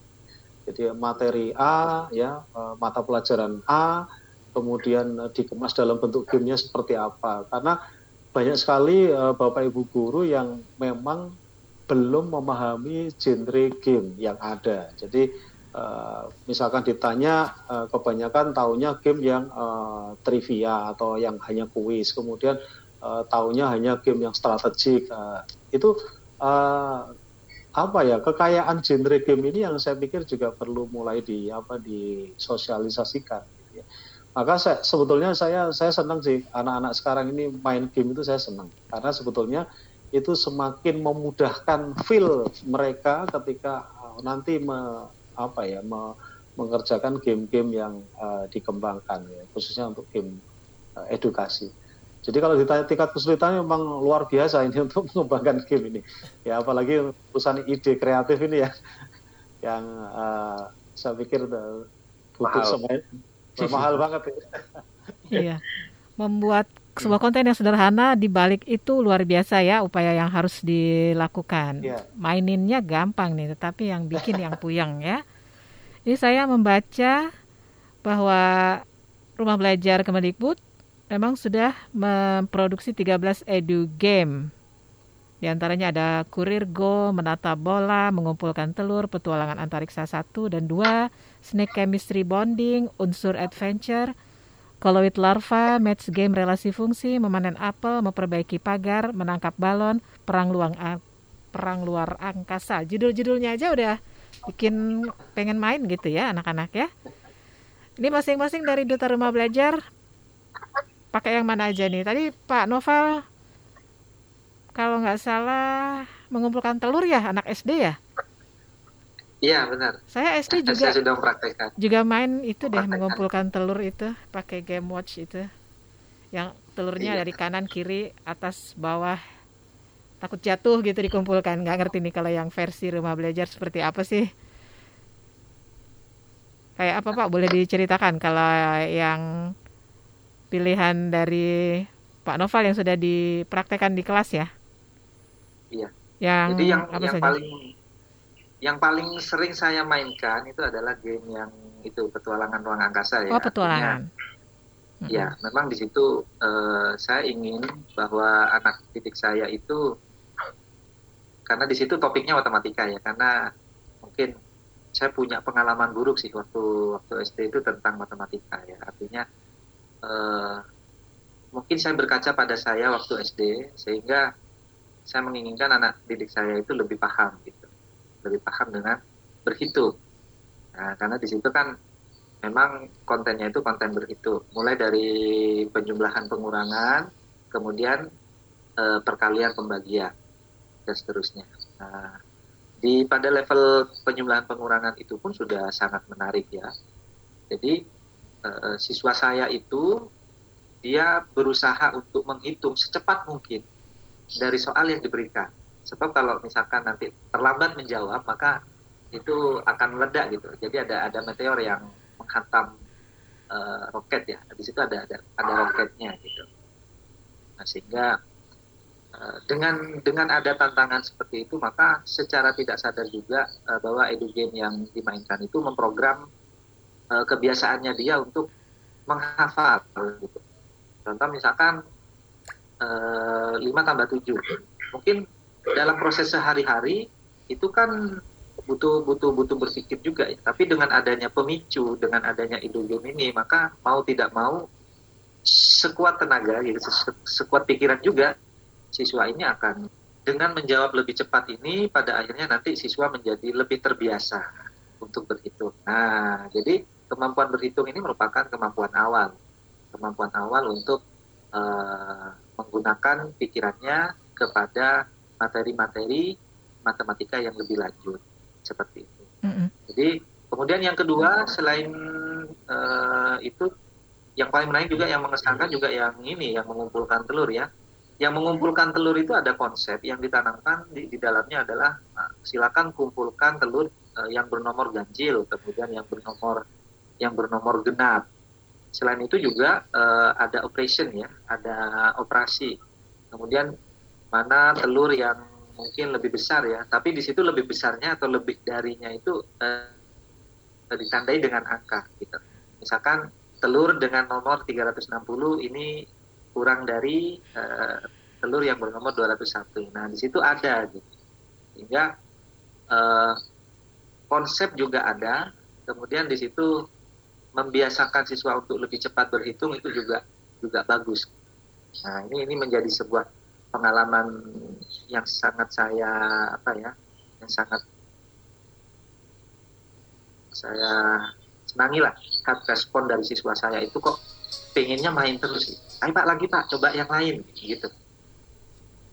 Iya. Jadi membuat ketagihan juga. Nah, tapi besar harapan saya juga ke depan mungkin uh, uh, ini ya apa konten edu game dari rumah belajar ini akan semakin berkembang dan terus berkembang. Seperti itu Iya. Kalau dari Mas Arif barangkali bisa menambahkan Mas kalau untuk 13 jenis tadi ya game itu yang terbanyak SD, SMP, SMA atau Pak Agus barangkali mungkin ya? ralat ya? Mungkin ralat dulu. Barangkali gimana? Gimana Pak? Uh, uh, game yang di rumah belajar lebih dari 13. Oh, lebih ya, Pak ya. Berarti belum diupdate informasinya. Iya. Nah, silakan, Pak. Nah, jadi uh, kalau dari internal kami sendiri uh, saya sudah me, ini ya mengirimkan ke teman-teman dan sudah dipublish itu sekitar uh, berapa 30 sekian ya hampir 40 ya tetapi per hari ini saya ngecek itu 49 jadi hmm. hampir 50 kurang kurang satu itu sudah banyak ya pak ya jenisnya ya Jadi eh, nggak nggak 13 ya. Ah, Iya. jauh banget Pak. Karena Mas Arif udah, udah paham itu. Ya, Mas Arif udah paham itu ada yang masuk eh, selain dari Pusdatin. Jadi ini semakin kaya eh, jumlahnya. Kalau nggak salah 49 ya Mas Arif di cross check tuh. Ya, waktu itu emang 13 itu pada waktu launching kayaknya Pak. Oh. Jadi berita-berita Oh, yang iya, masih iya, pada iya. waktu launching. Pada waktu launching itu kan banyak yang mengekspos berita tentang launching Educam gitu dan waktu itu memang kontennya baru 13 pada waktu launching. Nah, Sekarang mulai bertambah dari timnya Pak Agus sudah banyak ini. Mudah-mudahan nanti semakin berkembang lagi tadi. Iya. Dari Kemudian juga kita 40 coba kerjasama ya Pak Agus ya. Mudah-mudahan Ah, iya. bisa Hmm. dapat Iya. Jadi dari 49 itu juga ada karya guru ya. Pak Agus dan Mas Arif ya. Ada ya, ada. terutama duta. Duta Rumah Pak. Belajar. Duta, teman-teman duta. Ya. Jadi harapannya akan lebih banyak lagi. Nah terkait pengembangan tadi yang menyambung yang disampaikan Pak Agus tadi Mbak Wira, Hmm. untuk pengembangan educam sendiri memang eh, harapannya nanti rekan-rekan guru akan ikut melengkapi dan untuk rekan-rekan guru mendapatkan banyak pengalaman tentunya harus mengimplementasikan gitu game-game yang ada di educam sekarang. Implementasikan seperti yang Pak Nova lakukan, Pak Warudin lakukan tentunya eh, dengan mengimplementasikan itu eh, akan ada inspirasi lah. Akan muncul inspirasi. Dan juga sudah ada ini ya Pak Nova eh, teman-teman PTP Pusdatin sudah membuat semacam panduan lah panduan penerapan model pembelajaran berbasis game ya. Iya, itu betul. ada di web Sibatik gitu. Nanti eh, silakan rekan-rekan itu ada panduannya sehingga langkah-langkahnya apa saja apa saja sih untuk implementasi tim itu dalam pembelajaran gitu. Itu ada nanti silahkan diikutin. Eh, dan eh, rekan-rekan guru sahabat edukasi yang mendengarkan siaran sekarang ini ya harapan kami ayo buka edugame-nya kemudian coba implementasikan dulu kepada siswa-siswanya.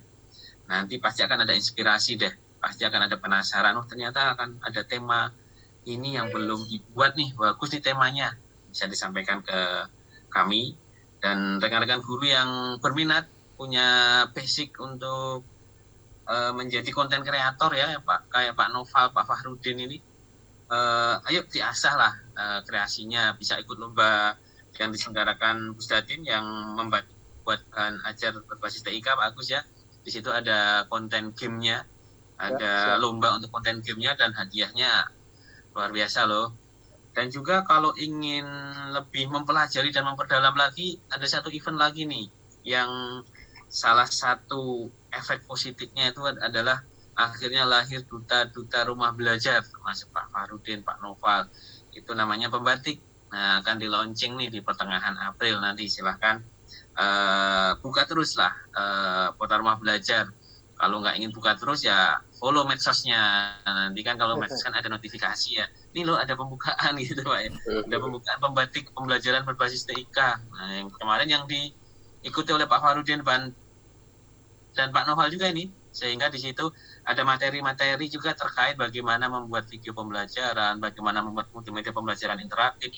Dari situ nanti akan Bapak Ibu guru akan memperoleh basicnya sehingga nanti Pak Agus nanti oh, bisa banyak partnernya nih Pak Agus. Basicnya sudah dapat tinggal nanti dipoles lagi oleh timnya Pak Agus jadi deh konten kreator yang handal. Nggak hanya video multimedia tapi juga edu game. Uh, Atta Halilintar bisa kita saingin deh nanti deh. Gitu, nanti. Luar biasa tapi bener loh ini Iya, pede dong ya. Guru-guru sekarang kan keren-keren saya ya. saya secara pribadi nih Mbak Tina ya Hmm. Hmm. secara pribadi saya itu benar-benar merasa zaman dulu itu saya underestimate terhadap bapak ibu guru gitu. karena saya di kampung gitu ya jadi ya bapak ibu guru di kampung kan pola mengajarnya ya ya berbeda lah dengan bapak ibu guru di kota kalau saya lihat Eh, kalau mereka selesai mengajar siang hari sudah bisa pergi ke sawah gitu kan menyang, eh, mencangkul sawah gitu Mm. nah setelah ada pembatik ini pembelajaran berbasis TIK yang empat level itu yang akhirnya menghasilkan duta-duta rumah belajar sahabat rumah belajar saya benar-benar angkat jempol Mm-mm, yang banyak deh betul. ternyata Salut. bapak guru kita itu kreatif kreatifnya itu luar biasa deh guru-guru muda nih terutama ini ada perwakilannya Pak Farudin Pak Noval itu amazing pokoknya Mm-mm. kreativitasnya jadi sayang kalau nanti tidak berkontribusi ke edu game ya khususnya Betul. Bukan hanya Mas Arief nih, saya pribadi juga berdecak kagum, geleng-geleng terus gitu asal ngobrol dengan setiap duta rumah Iya. belajar. Kita senang sekali dikasih kesempatan gitu buat bisa mengenal kiprah duta rumah belajar. Eh, kok keren-keren banget sih guru-guru sekarang pinter-pinter banget gitu. Dan tetap gitu bersemangat untuk menjadi seorang guru gitu. Padahal skillnya bukan hanya skill mengajar gitu, tapi bisa bikin ini, bisa bikin itu. Murid-muridnya jadi kayaknya semangat tuh ya. Guru-gurunya keren-keren gitu. Sekarang tambah-tambah lagi nih gurunya bisa bikin edu game. Wah, canggih. Jadi jangan ketinggalan untuk guru-guru Iya. mengikuti kegiatan pembatik ya. Tapi Mas Arief kasih tahu dong untuk guru-guru yang sekarang ini belum membuka portal rumah belajar step by stepnya, cara mengaksesnya bagaimana untuk memanfaatkan edu game-nya. Bisa dong ya, walaupun nggak ikut, belum belum ikut kegiatan pembatik, sudah bisa langsung memanfaatkan fitur edu game-nya ya. Harus login dulu atau gimana? Mungkin bisa disampaikan Mas Arief. Ya, eh, Bapak Ibu guru bisa buka di belajar.kemdikbud.go.id. Nanti di situ akan ada banyak sekali fitur yang akan menjadi fitur kita ini kita klik lihat selengkapnya di bawah ada empat fitur utama kelas maya sumber belajar laboratorium maya bank soal kalau kita klik lihat selengkapnya akan nambah lagi fiturnya. Ada peta budaya buku sekolah elektronik dan salah satunya nanti ada edu game silahkan kita klik edu gamenya kemudian di situ sudah ada eh, banyak game yang bisa kita lihat. Bisa kita tinggal kita klik kita mainkan langkah-langkahnya. Eh, kita sudah menyediakan fitur login juga fitur login. Namun memang sedang kita kembangkan supaya nanti di dalam lo, setelah login loginnya pakai belajar.id bapak ibu. Eh, siswa itu sudah mendapatkan akun belajar.id itu bisa login kita istilahkan namanya single sign on atau SSO login menggunakan belajar.id eh, nanti akan kita lengkapi apabila sudah login nantinya kita coba berikan fasilitas-fasilitas khusus itu ya bagi yang sudah login. Eh, nanti di sini ada banyak game kita baru mencoba untuk eh, merangkum mengkategorikan game-game itu menjadi eh, beberapa jenis ada game matematika game membaca game menulis game sains dan umum sehingga eh, pengkategoriannya seperti ini. Nanti bagi yang ingin mengambil tema terkait dengan sains, tinggal klik saja sains. Di nanti akan ada tema-tema tentang sains. Dan apabila ada ingin temanya matematika, silahkan diklik membaca atau ingin tema-tema yang lain berarti masuk di umum. Silahkan dicari. Eh, memang harus di browsing ya, kemudian harus dicoba. Kalau nggak mencoba, tentunya Bapak Ibu guru nggak akan tahu dalamnya ini isinya apa gitu sehingga harus dibuka kemudian nanti di situ eh, biasanya akan ada petunjuk-petunjuk di masing-masing konten game tersebut.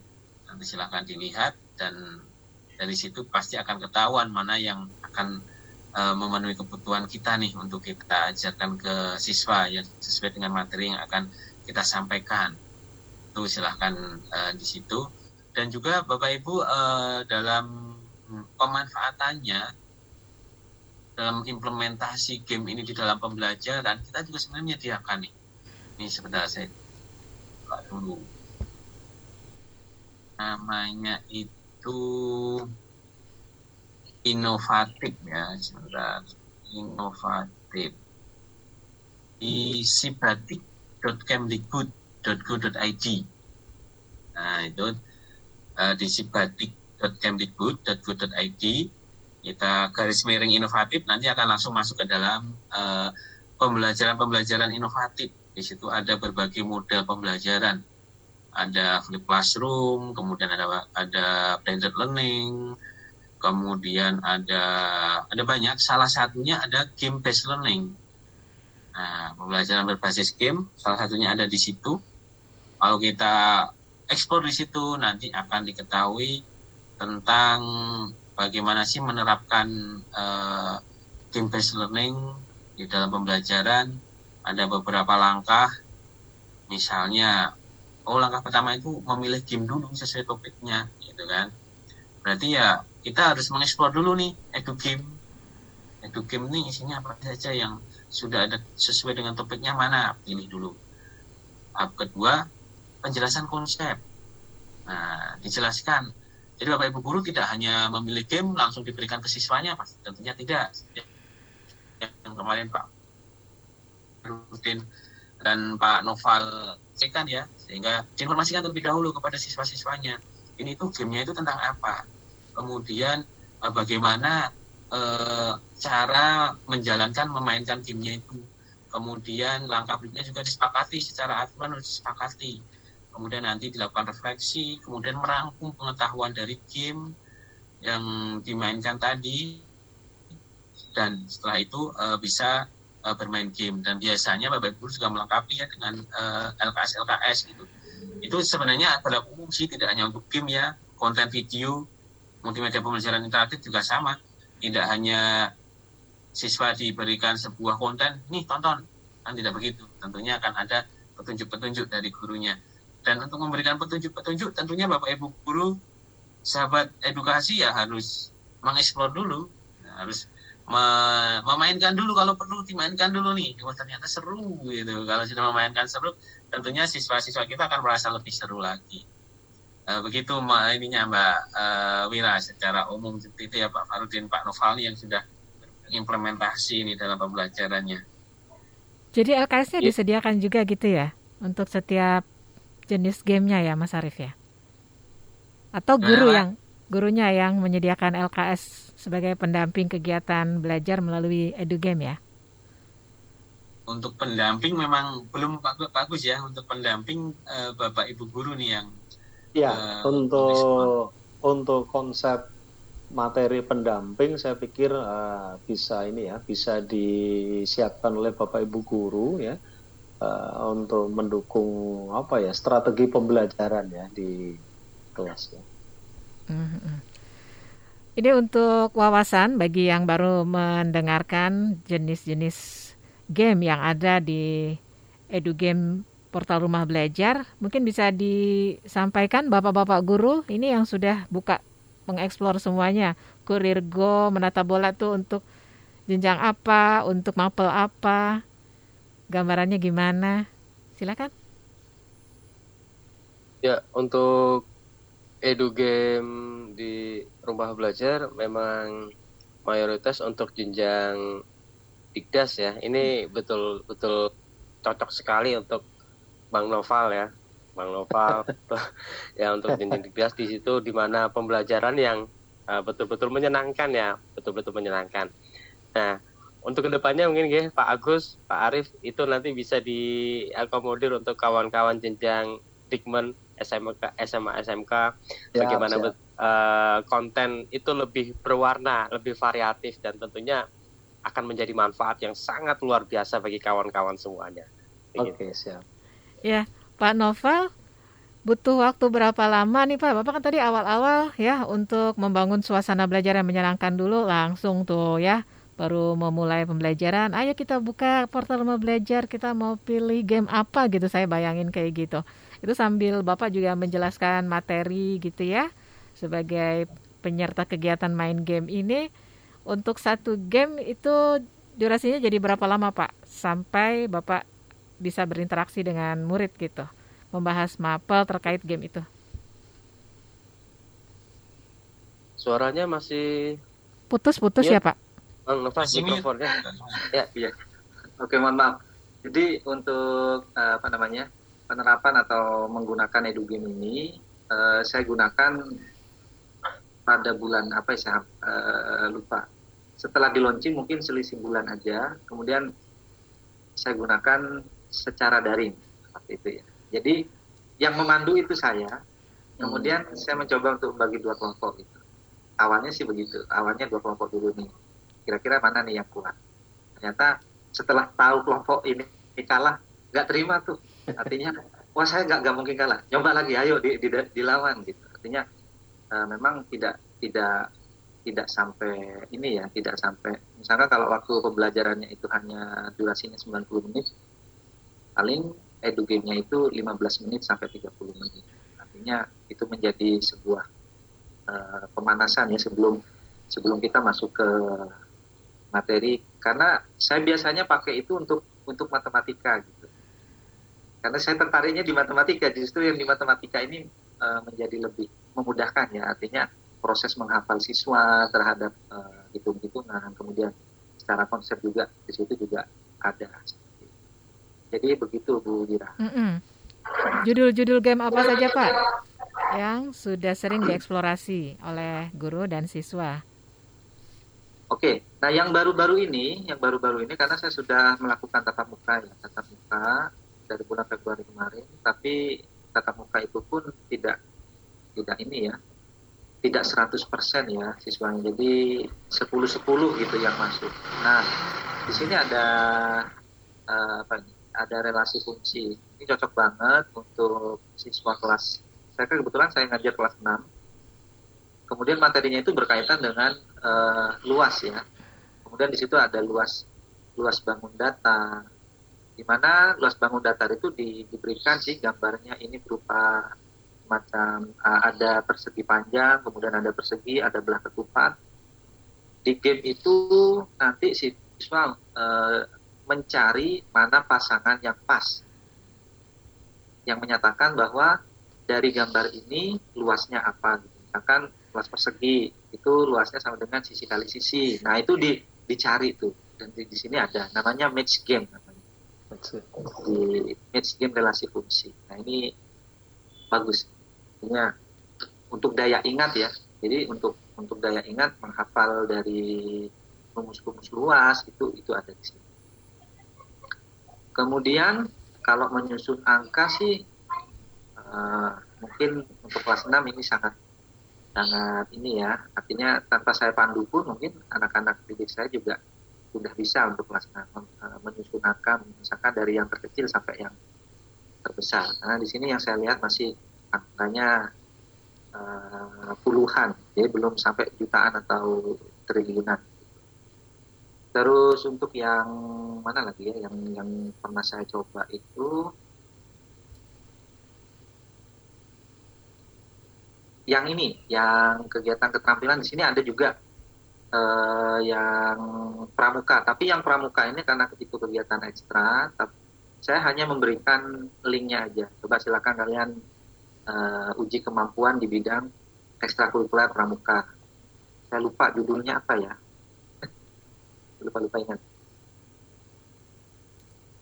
Ada di situ. Nah, yang pramuka ini termasuk dengan uh, kecakapan atau pengetahuan umum tentang pramuka ya. Jadi siswa itu uh, diberikan macam ini ya apa kayak drag and drop gitu. Misalkan uh, seingat saya sih di situ ada ini baju, kemudian di situ di, di diberi tempat untuk menempelkan bed. Ini bed yang yang pas ditempelkan di sini apa? Jangan lupa, itu ya. game ini ya, Mamat Adventure itu ya. Mamat ya. Mamat Adventure untuk namanya. Mamat Kayaknya ini baru-baru, baru, game yang ya. baru. Mamat Adventure itu. Oh iya betul. Mamat Adventure betul. Judulnya ear catching semua ya. Menarik gitu, iya. lucu.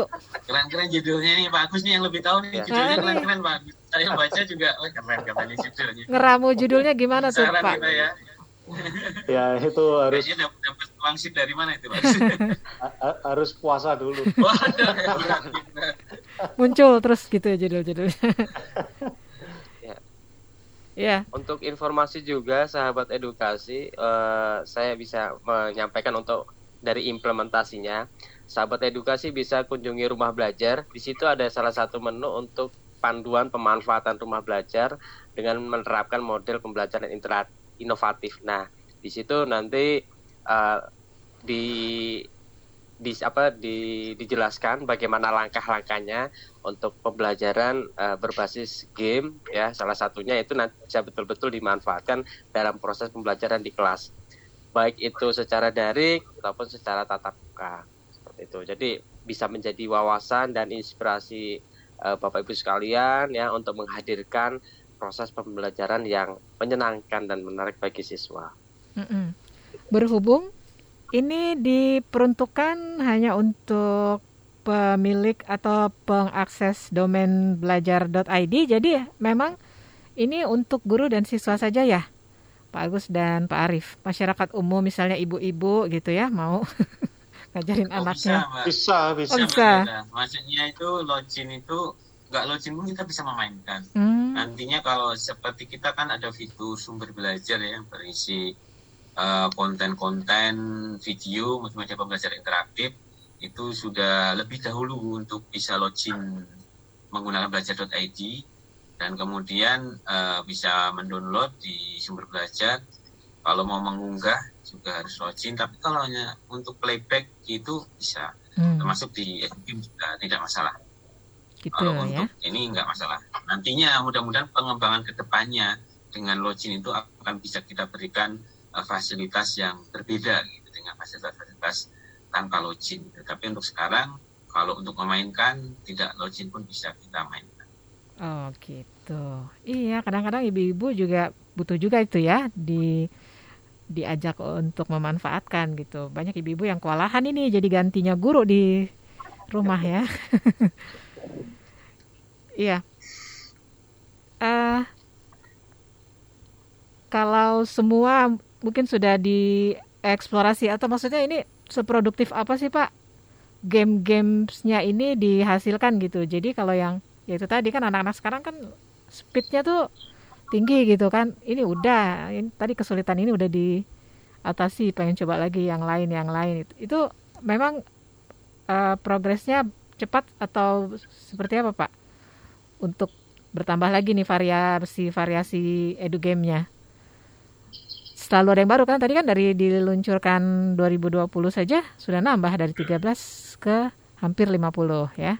50. Jadi memang jadi, progres uh, terus ya Pak ya? Rencana ya, ke depannya gitu ya. Untuk game edukasi menjadi ini uh, untuk game edukasi ini menjadi satu konsentrasi ya uh, pengembangan uh, konten digital kekinian ya yang saya pikir ini yang harus di di apa di garap oleh Pusdatin tetapi juga dibantu oleh uh, stakeholder ya ya dalam hal ini bisa guru ya kemudian masyarakat ya yang tentunya melalui sebuah proses uh, apa kurasi ya kurasi yang nantinya bisa masuk di uh, portal rumah belajar uh, saya tidak pernah membayangkan mbak hmm. Wira ya jadi di awal pandemi di bulan Maret itu instruksi kapus waktu itu adalah uh, bikin konten digital kekinian. Saya hanya terpikir hanya satu aja itu game edu gitu aja ya.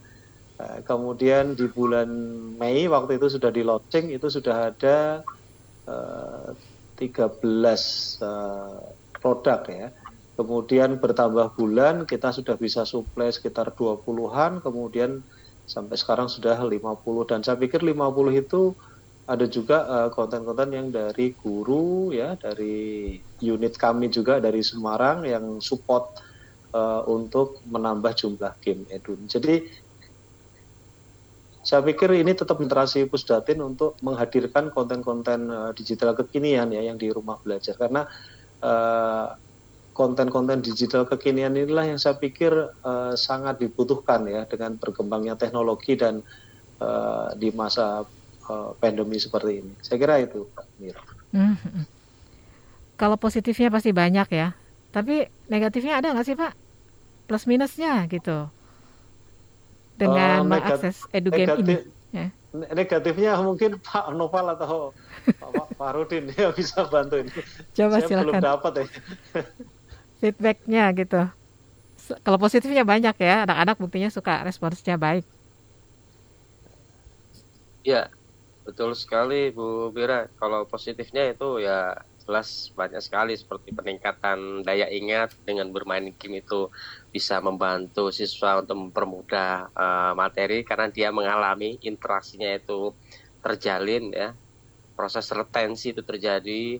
Kemudian juga dari situ nanti siswa itu belajar untuk memecahkan masalah atau disebut sebagai problem solving. Dan juga dari situ juga dari game juga uh, uh, peserta itu kita bisa mendapatkan feedback yang instan cepat. Kita mendapatkan sejauh mana mereka bisa memahami materi yang ada di edukim tersebut. Kalau negatifnya ya mereka nagih untuk kita positif juga membuat itu. konten baru lagi. Ayo Pak, gimana yang baru yang, yang baru mana? Nah ini kan kita butuh ekstra juga untuk membuat game tertantang lah ya. Iya, jadi tertantang kita harus kita. membuat lagi untuk developer seperti itu. Dan itu seperti yang tadi Pak Agus bilang, itu untuk membuat game kan butuh effort yang besar ya. Baik dari ide, dari konsepnya sampai tahap eksekusinya itu perlu perlu effort yang besar dan itu jadi apa ya jadi tantangan kita ya jadi tantangan kita untuk uh, terus menghadirkan proses pembelajaran yang menyenangkan begitu Bu Mira menurut pendapat iya. saya Jadi kan animonya uh, dari siswa tinggi. Kalau dari calon konten kreatornya guru, kalau menurut bapak-bapak dari Pusdatin dan dari guru-guru duta rumah belajar yang notabene itu sudah level guru-guru yang uh, master teacher mungkin begitu ya itu kira-kira animonya akan banyak nggak dari rekan-rekan sejawat untuk Bang menjadi konten kreator jawab. Nah ini animo ya, jadi animo teman sejawat. Jadi kalau kita berbicara tentang animo tentu ini kan levelnya pada respon ya, respon terhadap eh, apa yang telah kita berikan kepada siswa kita. Dan dari situ saya yakin juga seandainya, seandainya semua guru itu mau mengakses gitu ya, mau mengakses edugame ini, maka saya sangat yakin dan sangat yakin bahwa edugame ini akan juga berdampak sangat positif terhadap kegiatan pembelajaran uh, siswa. Terlebih pada kondisi yang saat ini. Bisa kita bayangkan misalkan ya uh, hampir Terputus, Pak. misalkan misalkan saya tidak bisa membayangkan uh, bagaimana kondisi orang tua harus mendampingi uh, setiap hari siswa, uh, anaknya belajar gitu. Mungkin di situ juga akan ada proses ya semacam keributan ya. Jadi keributan. Nah, jadi uh, keributan ini mungkin bisa diredam dengan uh, permainan-permainan yang yang menarik. Nah, kalau kita bisa mengambil hal yang positif dari edu game, maka saya sangat yakin uh, seluruh guru mampu untuk memanfaatkan ini dengan situasi yang seperti sekarang. Seperti itu. Iya. Uh, kira-kira untuk bisa lebih banyak berkolaborasi dari pihak Pusdatin dan guru-guru ya, khususnya Duta Rumah Belajar ini persiapan buat guru-gurunya kira-kira skill apa saja sih yang mendasar harus dikuasai guru Pak Agus gitu ya supaya bisa berkolaborasi membantu Pusdatin juga nih sebagai konten kreator edu game. Oke, uh, saya pikir teman-teman duta uh, punya skill ya, yang yang punya modal lah, punya modal skill yang yang bisa diasah untuk uh, mengembangkan edu game. Sekali lagi memang uh, konsep ya, konsep ide kreatif ini uh, mungkin perlu deh kapan-kapan dikumpulin Mas Arief gitu ya di hotel mana gitu untuk semedi Amin. dua hari lah ya. semedi dua hari untuk uh, ini aja brainstorming ini menentukan ide kreatif uh, dari materi yang hendak diangkat itu dulu sehingga kita misalkan punya ratusan uh, ide gitu uh, nanti kita eksekusi uh, apa dengan uh, uh, kemampuan masing-masing ya. Kalau perlu ditambah ya kita adakan pelatihan gitu ya. Uh, saya pikir untuk kemampuan dasar ya teman-teman DRP itu sudah difasilitasi pelatihan Smart Apps Creator. Karena memang uh, dengan Smart Apps Creator ini uh, tim kami sendiri itu juga sudah menghasilkan banyak game, ya, banyak game. Tapi sekali lagi memang ide kreatif ini yang yang penting. Dan saya pikir ini perlu brainstorming. Jadi misalkan Farudin sosiologi, Bang Noval ini uh, matematik misalkan ya. Uh, kemudian DRP DRP yang lain uh, mengampu mapel yang lain dengan jenjang yang bermacam-macam itu mungkin uh, punya punya usulan dulu punya usulan dulu kemudian pematangan konsepnya ini bisa ditajamkan bersama uh, tim pusdatin begitu ya sehingga itu sudah menjadi sebuah konsep yang matang punya punya ratusan konsep itu tinggal di ini aja dieksekusi. Nah, uh, mungkin yang yang tidak lupa menjadi aset kita adalah juga sahabat rumah belajar ya. Saya pikir mereka juga perlu juga dibekali misalkan pelatihan smart edge creator ya, tapi nanti arahnya langsung ke game aja gitu. Jadi, uh, karena uh, kami tim kami udah siap ya mendampingi untuk uh, menggunakan smart apps creator ini uh, membuat uh, sebuah game pembelajaran. Dan satu contoh yang paling sederhana saja, misalkan kita misalkan uh, belajar tentang sejarah gitu ya, uh, misalkan dengan belajar Candi Borobudur kita bikin game misalkan tujuh titik perbedaan, tetapi nanti dibuat leveling dengan aturan durasi waktu. Itu sudah menjadi game yang luar biasa. Uh, misalkan di candi itu kan ada Kamadatu, Arbatu, beberapa segmen yang lainnya. Itu yang dibuat uh, tujuh titik perbedaan itu aja udah udah jadi game yang menarik gitu ya. Apalagi uh, apa dengan materi-materi lainnya yang saya pikir uh, punya peluang yang besar ya seperti Mas Farudi tadi bilang ada uh, SMP SMA yang belum disediakan game yang jumlahnya cukup banyak ya. Saya pikir sumbang ide kreatif dari teman-teman guru ini sangat kami nantikan ya. Uh, selain kami dari tim Pusdati sendiri dan untuk penyiapan skillnya saya pikir beberapa waktu yang lalu Tarif dan kamu kan sudah menyiapkan ya dengan pelatihan SAC itu. Saya pikir itu udah udah cukup itu tinggal nanti diasah saja ke bukan ke MPI lagi tetapi ke game ya. Ke game. Jadi itu juga uh, menurut saya sudah sudah cukup untuk membuat sebuah konten game dengan software yang simple gitu tinggal iya. SRB-nya aja Mas Arif yang nanti uh, kita pikir bareng-bareng supaya dibekali sehingga mereka juga punya uh, sumbangsih yang besar untuk uh, game edukasi. Saya kira itu Mbak. Iya. Pak Agus kan tadi sempat menyebut siapa saya ya. Jadi saya kebayang memang mungkin ini untuk menggali idenya perlu menarik referensi dari acara-acara kuis televisi gitu ya Pak ya dari zaman-zaman dahulu mungkin versi barunya gitu. Dulu ada suka tebak gambar, kuis-kuis di televisi gitu ya, ya Pak ya. Terus jadi uh, gini Mbak Wira dan dan teman-teman semuanya Eh, kami nggak malu kok untuk mengeksplor uh, apa konsep-konsep yang sudah ada seperti Who Wants to Be Millionaire ya kemudian uh, apa game trivia uh, brand ya dan lain sebagainya itu bisa kita kembang menjadi sesuatu hal yang baru yang kekinian begitu ya. dan familiar ya pak ya anak-anak pasti iya, cepat iya, gitu ya untuk betul, betul. respons Baik, ternyata waktunya sudah hampir habis. Dari masing-masing narasumber bisa memberikan penguatan apa nih di akhir? Silakan. DRB-nya dulu ya, Pak Farudin. Pesannya untuk sesama guru dan seterusnya. Iya, uh, baik sahabat edukasi di mana pun berada, Bapak Ibu sekalian, Bapak Ibu guru, siswa-siswi peserta didik di mana pun berada uh, pandemi COVID-19 kita mem memaksa kita untuk terus belajar belajar dengan beradaptasi dengan berbagai hal khususnya teknologi dan di situ kita hidup di zaman yang sebenarnya sudah sangat mudah revolusi 4.0 di mana kita sudah bisa mendapatkan banyak hal melalui internet. Sebagai guru, kita juga bisa mencari, mengolah bagaimana model dan metode pembelajaran. Dan salah satunya adalah model pembelajaran berbasis game.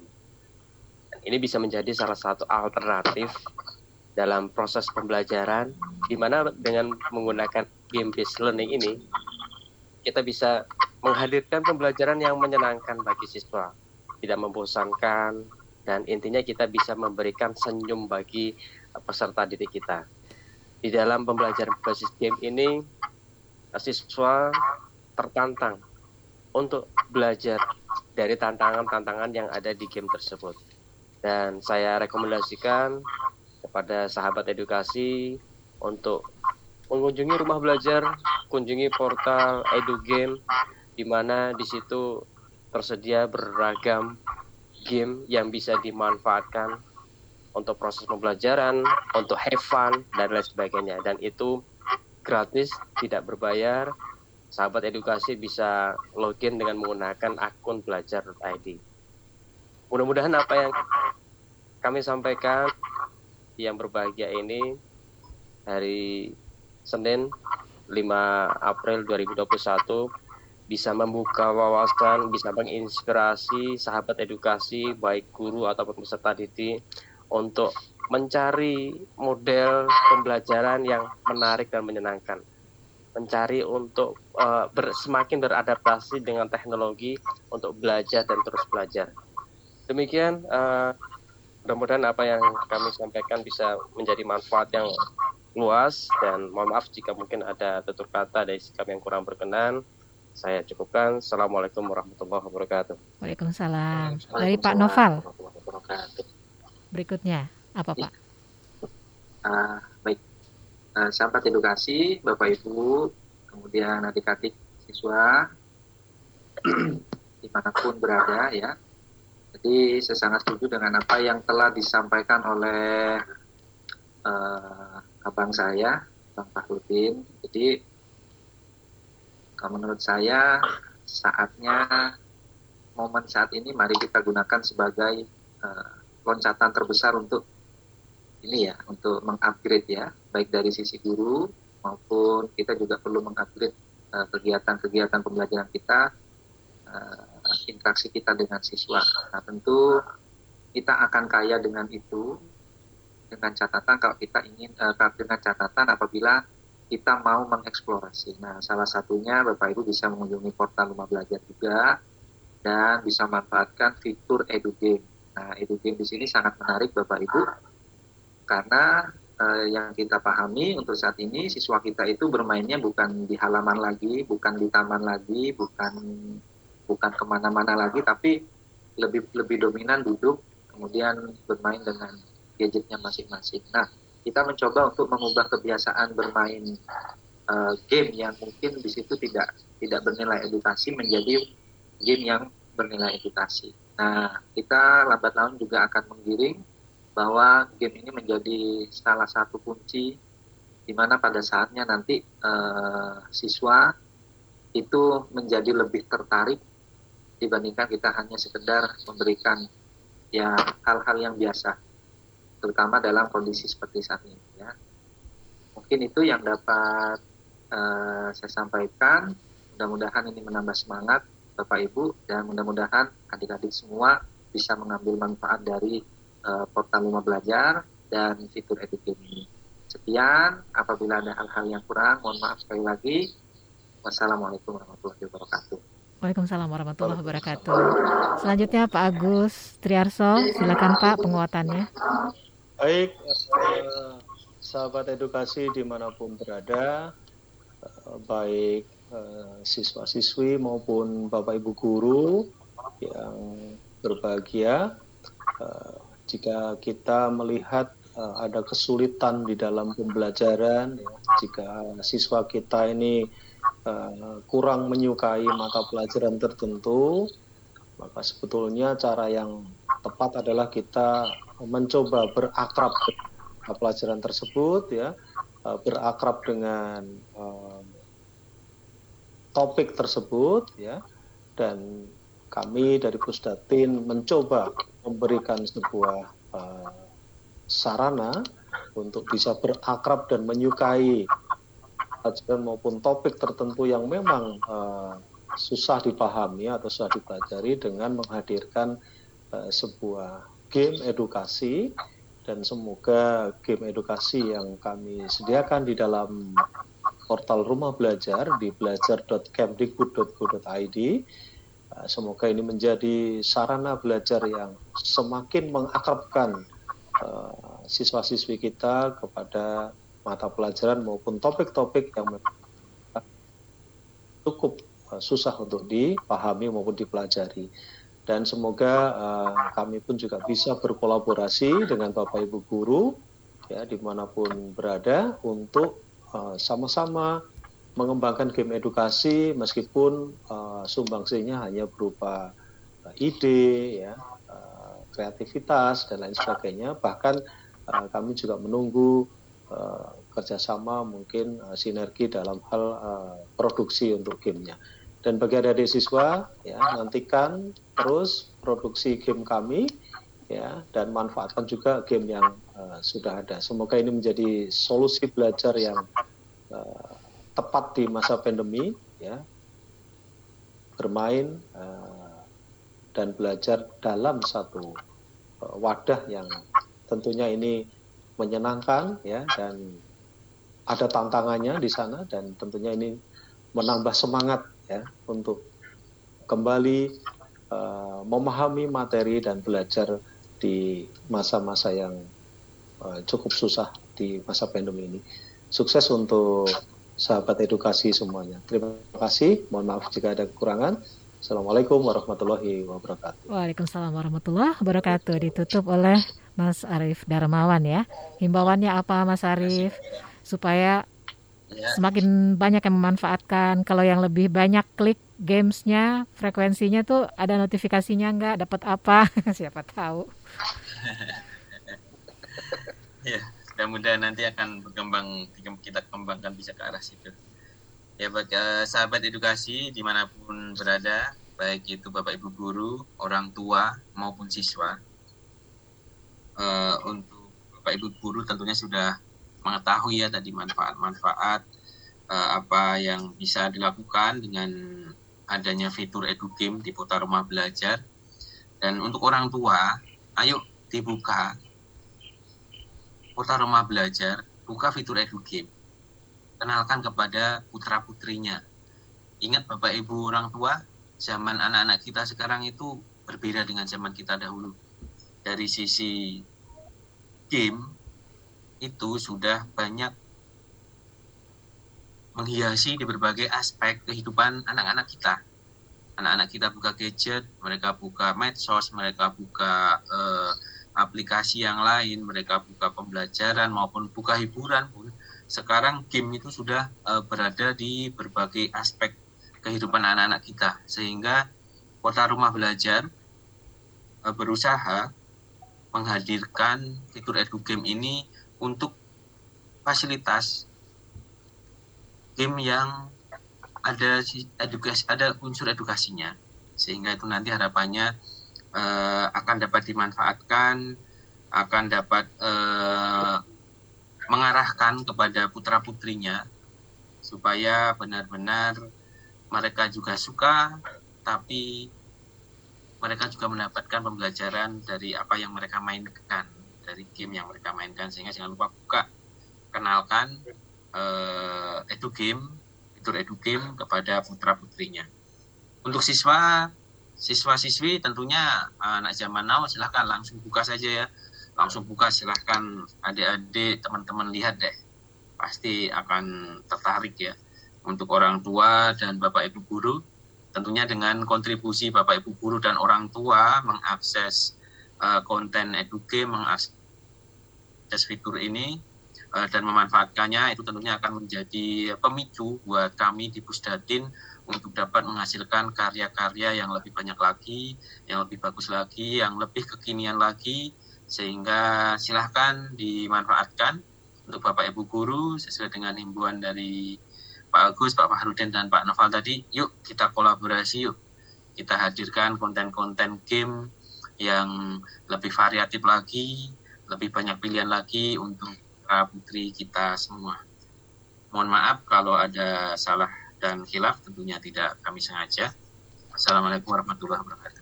Waalaikumsalam warahmatullahi wabarakatuh. Alhamdulillah, sahabat edukasi sudah kurang lebih dua jam ya kita bersama-sama mengulas tema hari ini praktik baik pembelajaran berbasis edu game sebuah karya yang sudah dihasilkan oleh Pusdatin Kemdikbud melalui portal Rumah Belajar dirilis baru sejak sekitar awal 2020. Ini sebuah respons cepat yang uh, menjawab gitu tantangan dari Kepala Pusdatin pada waktu itu ya Pak Agus. Ternyata uh, ini bisa direalisasikan uh, sampai sekarang berkembang terus jumlahnya.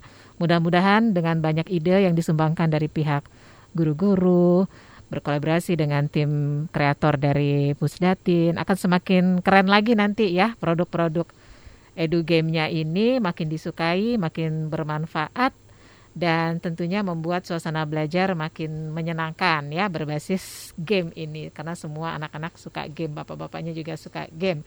Mungkin ibu-ibunya yang akan bawel gitu ya minta bapak dan anaknya berhenti main game. Nggak taunya gamenya bikin pinter gitu ya udah terusin aja gitu.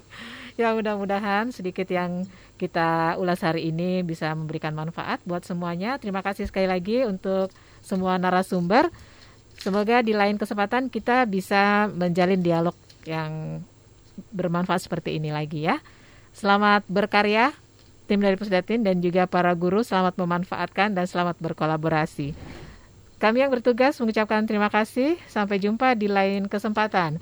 Dan uh, terima kasih untuk seluruh narasumber Bapak Arif Darmawan STM EPD, Subkoordinator Perancangan dan Aplikasi PTP Ahli Madya Pusdatin Kemdikbud, Bapak Agus Triarso, Eskom MPD, Subkoordinator dari Perancangan dan Substansi Produksi Media Pembelajaran Pusdatin Kemdikbud, Bapak Fahrudin Sujarwo dari SMAN 1 Sambung Macan, Duta Rumah Belajar Jawa Tengah 2018, dan Bapak Noval Abdillah SPD GR, Guru SDN 3 Telogosari Situbondo, Duta Rumah Belajar Jawa Timur 2019. Assalamualaikum warahmatullahi wabarakatuh. Waalaikumsalam.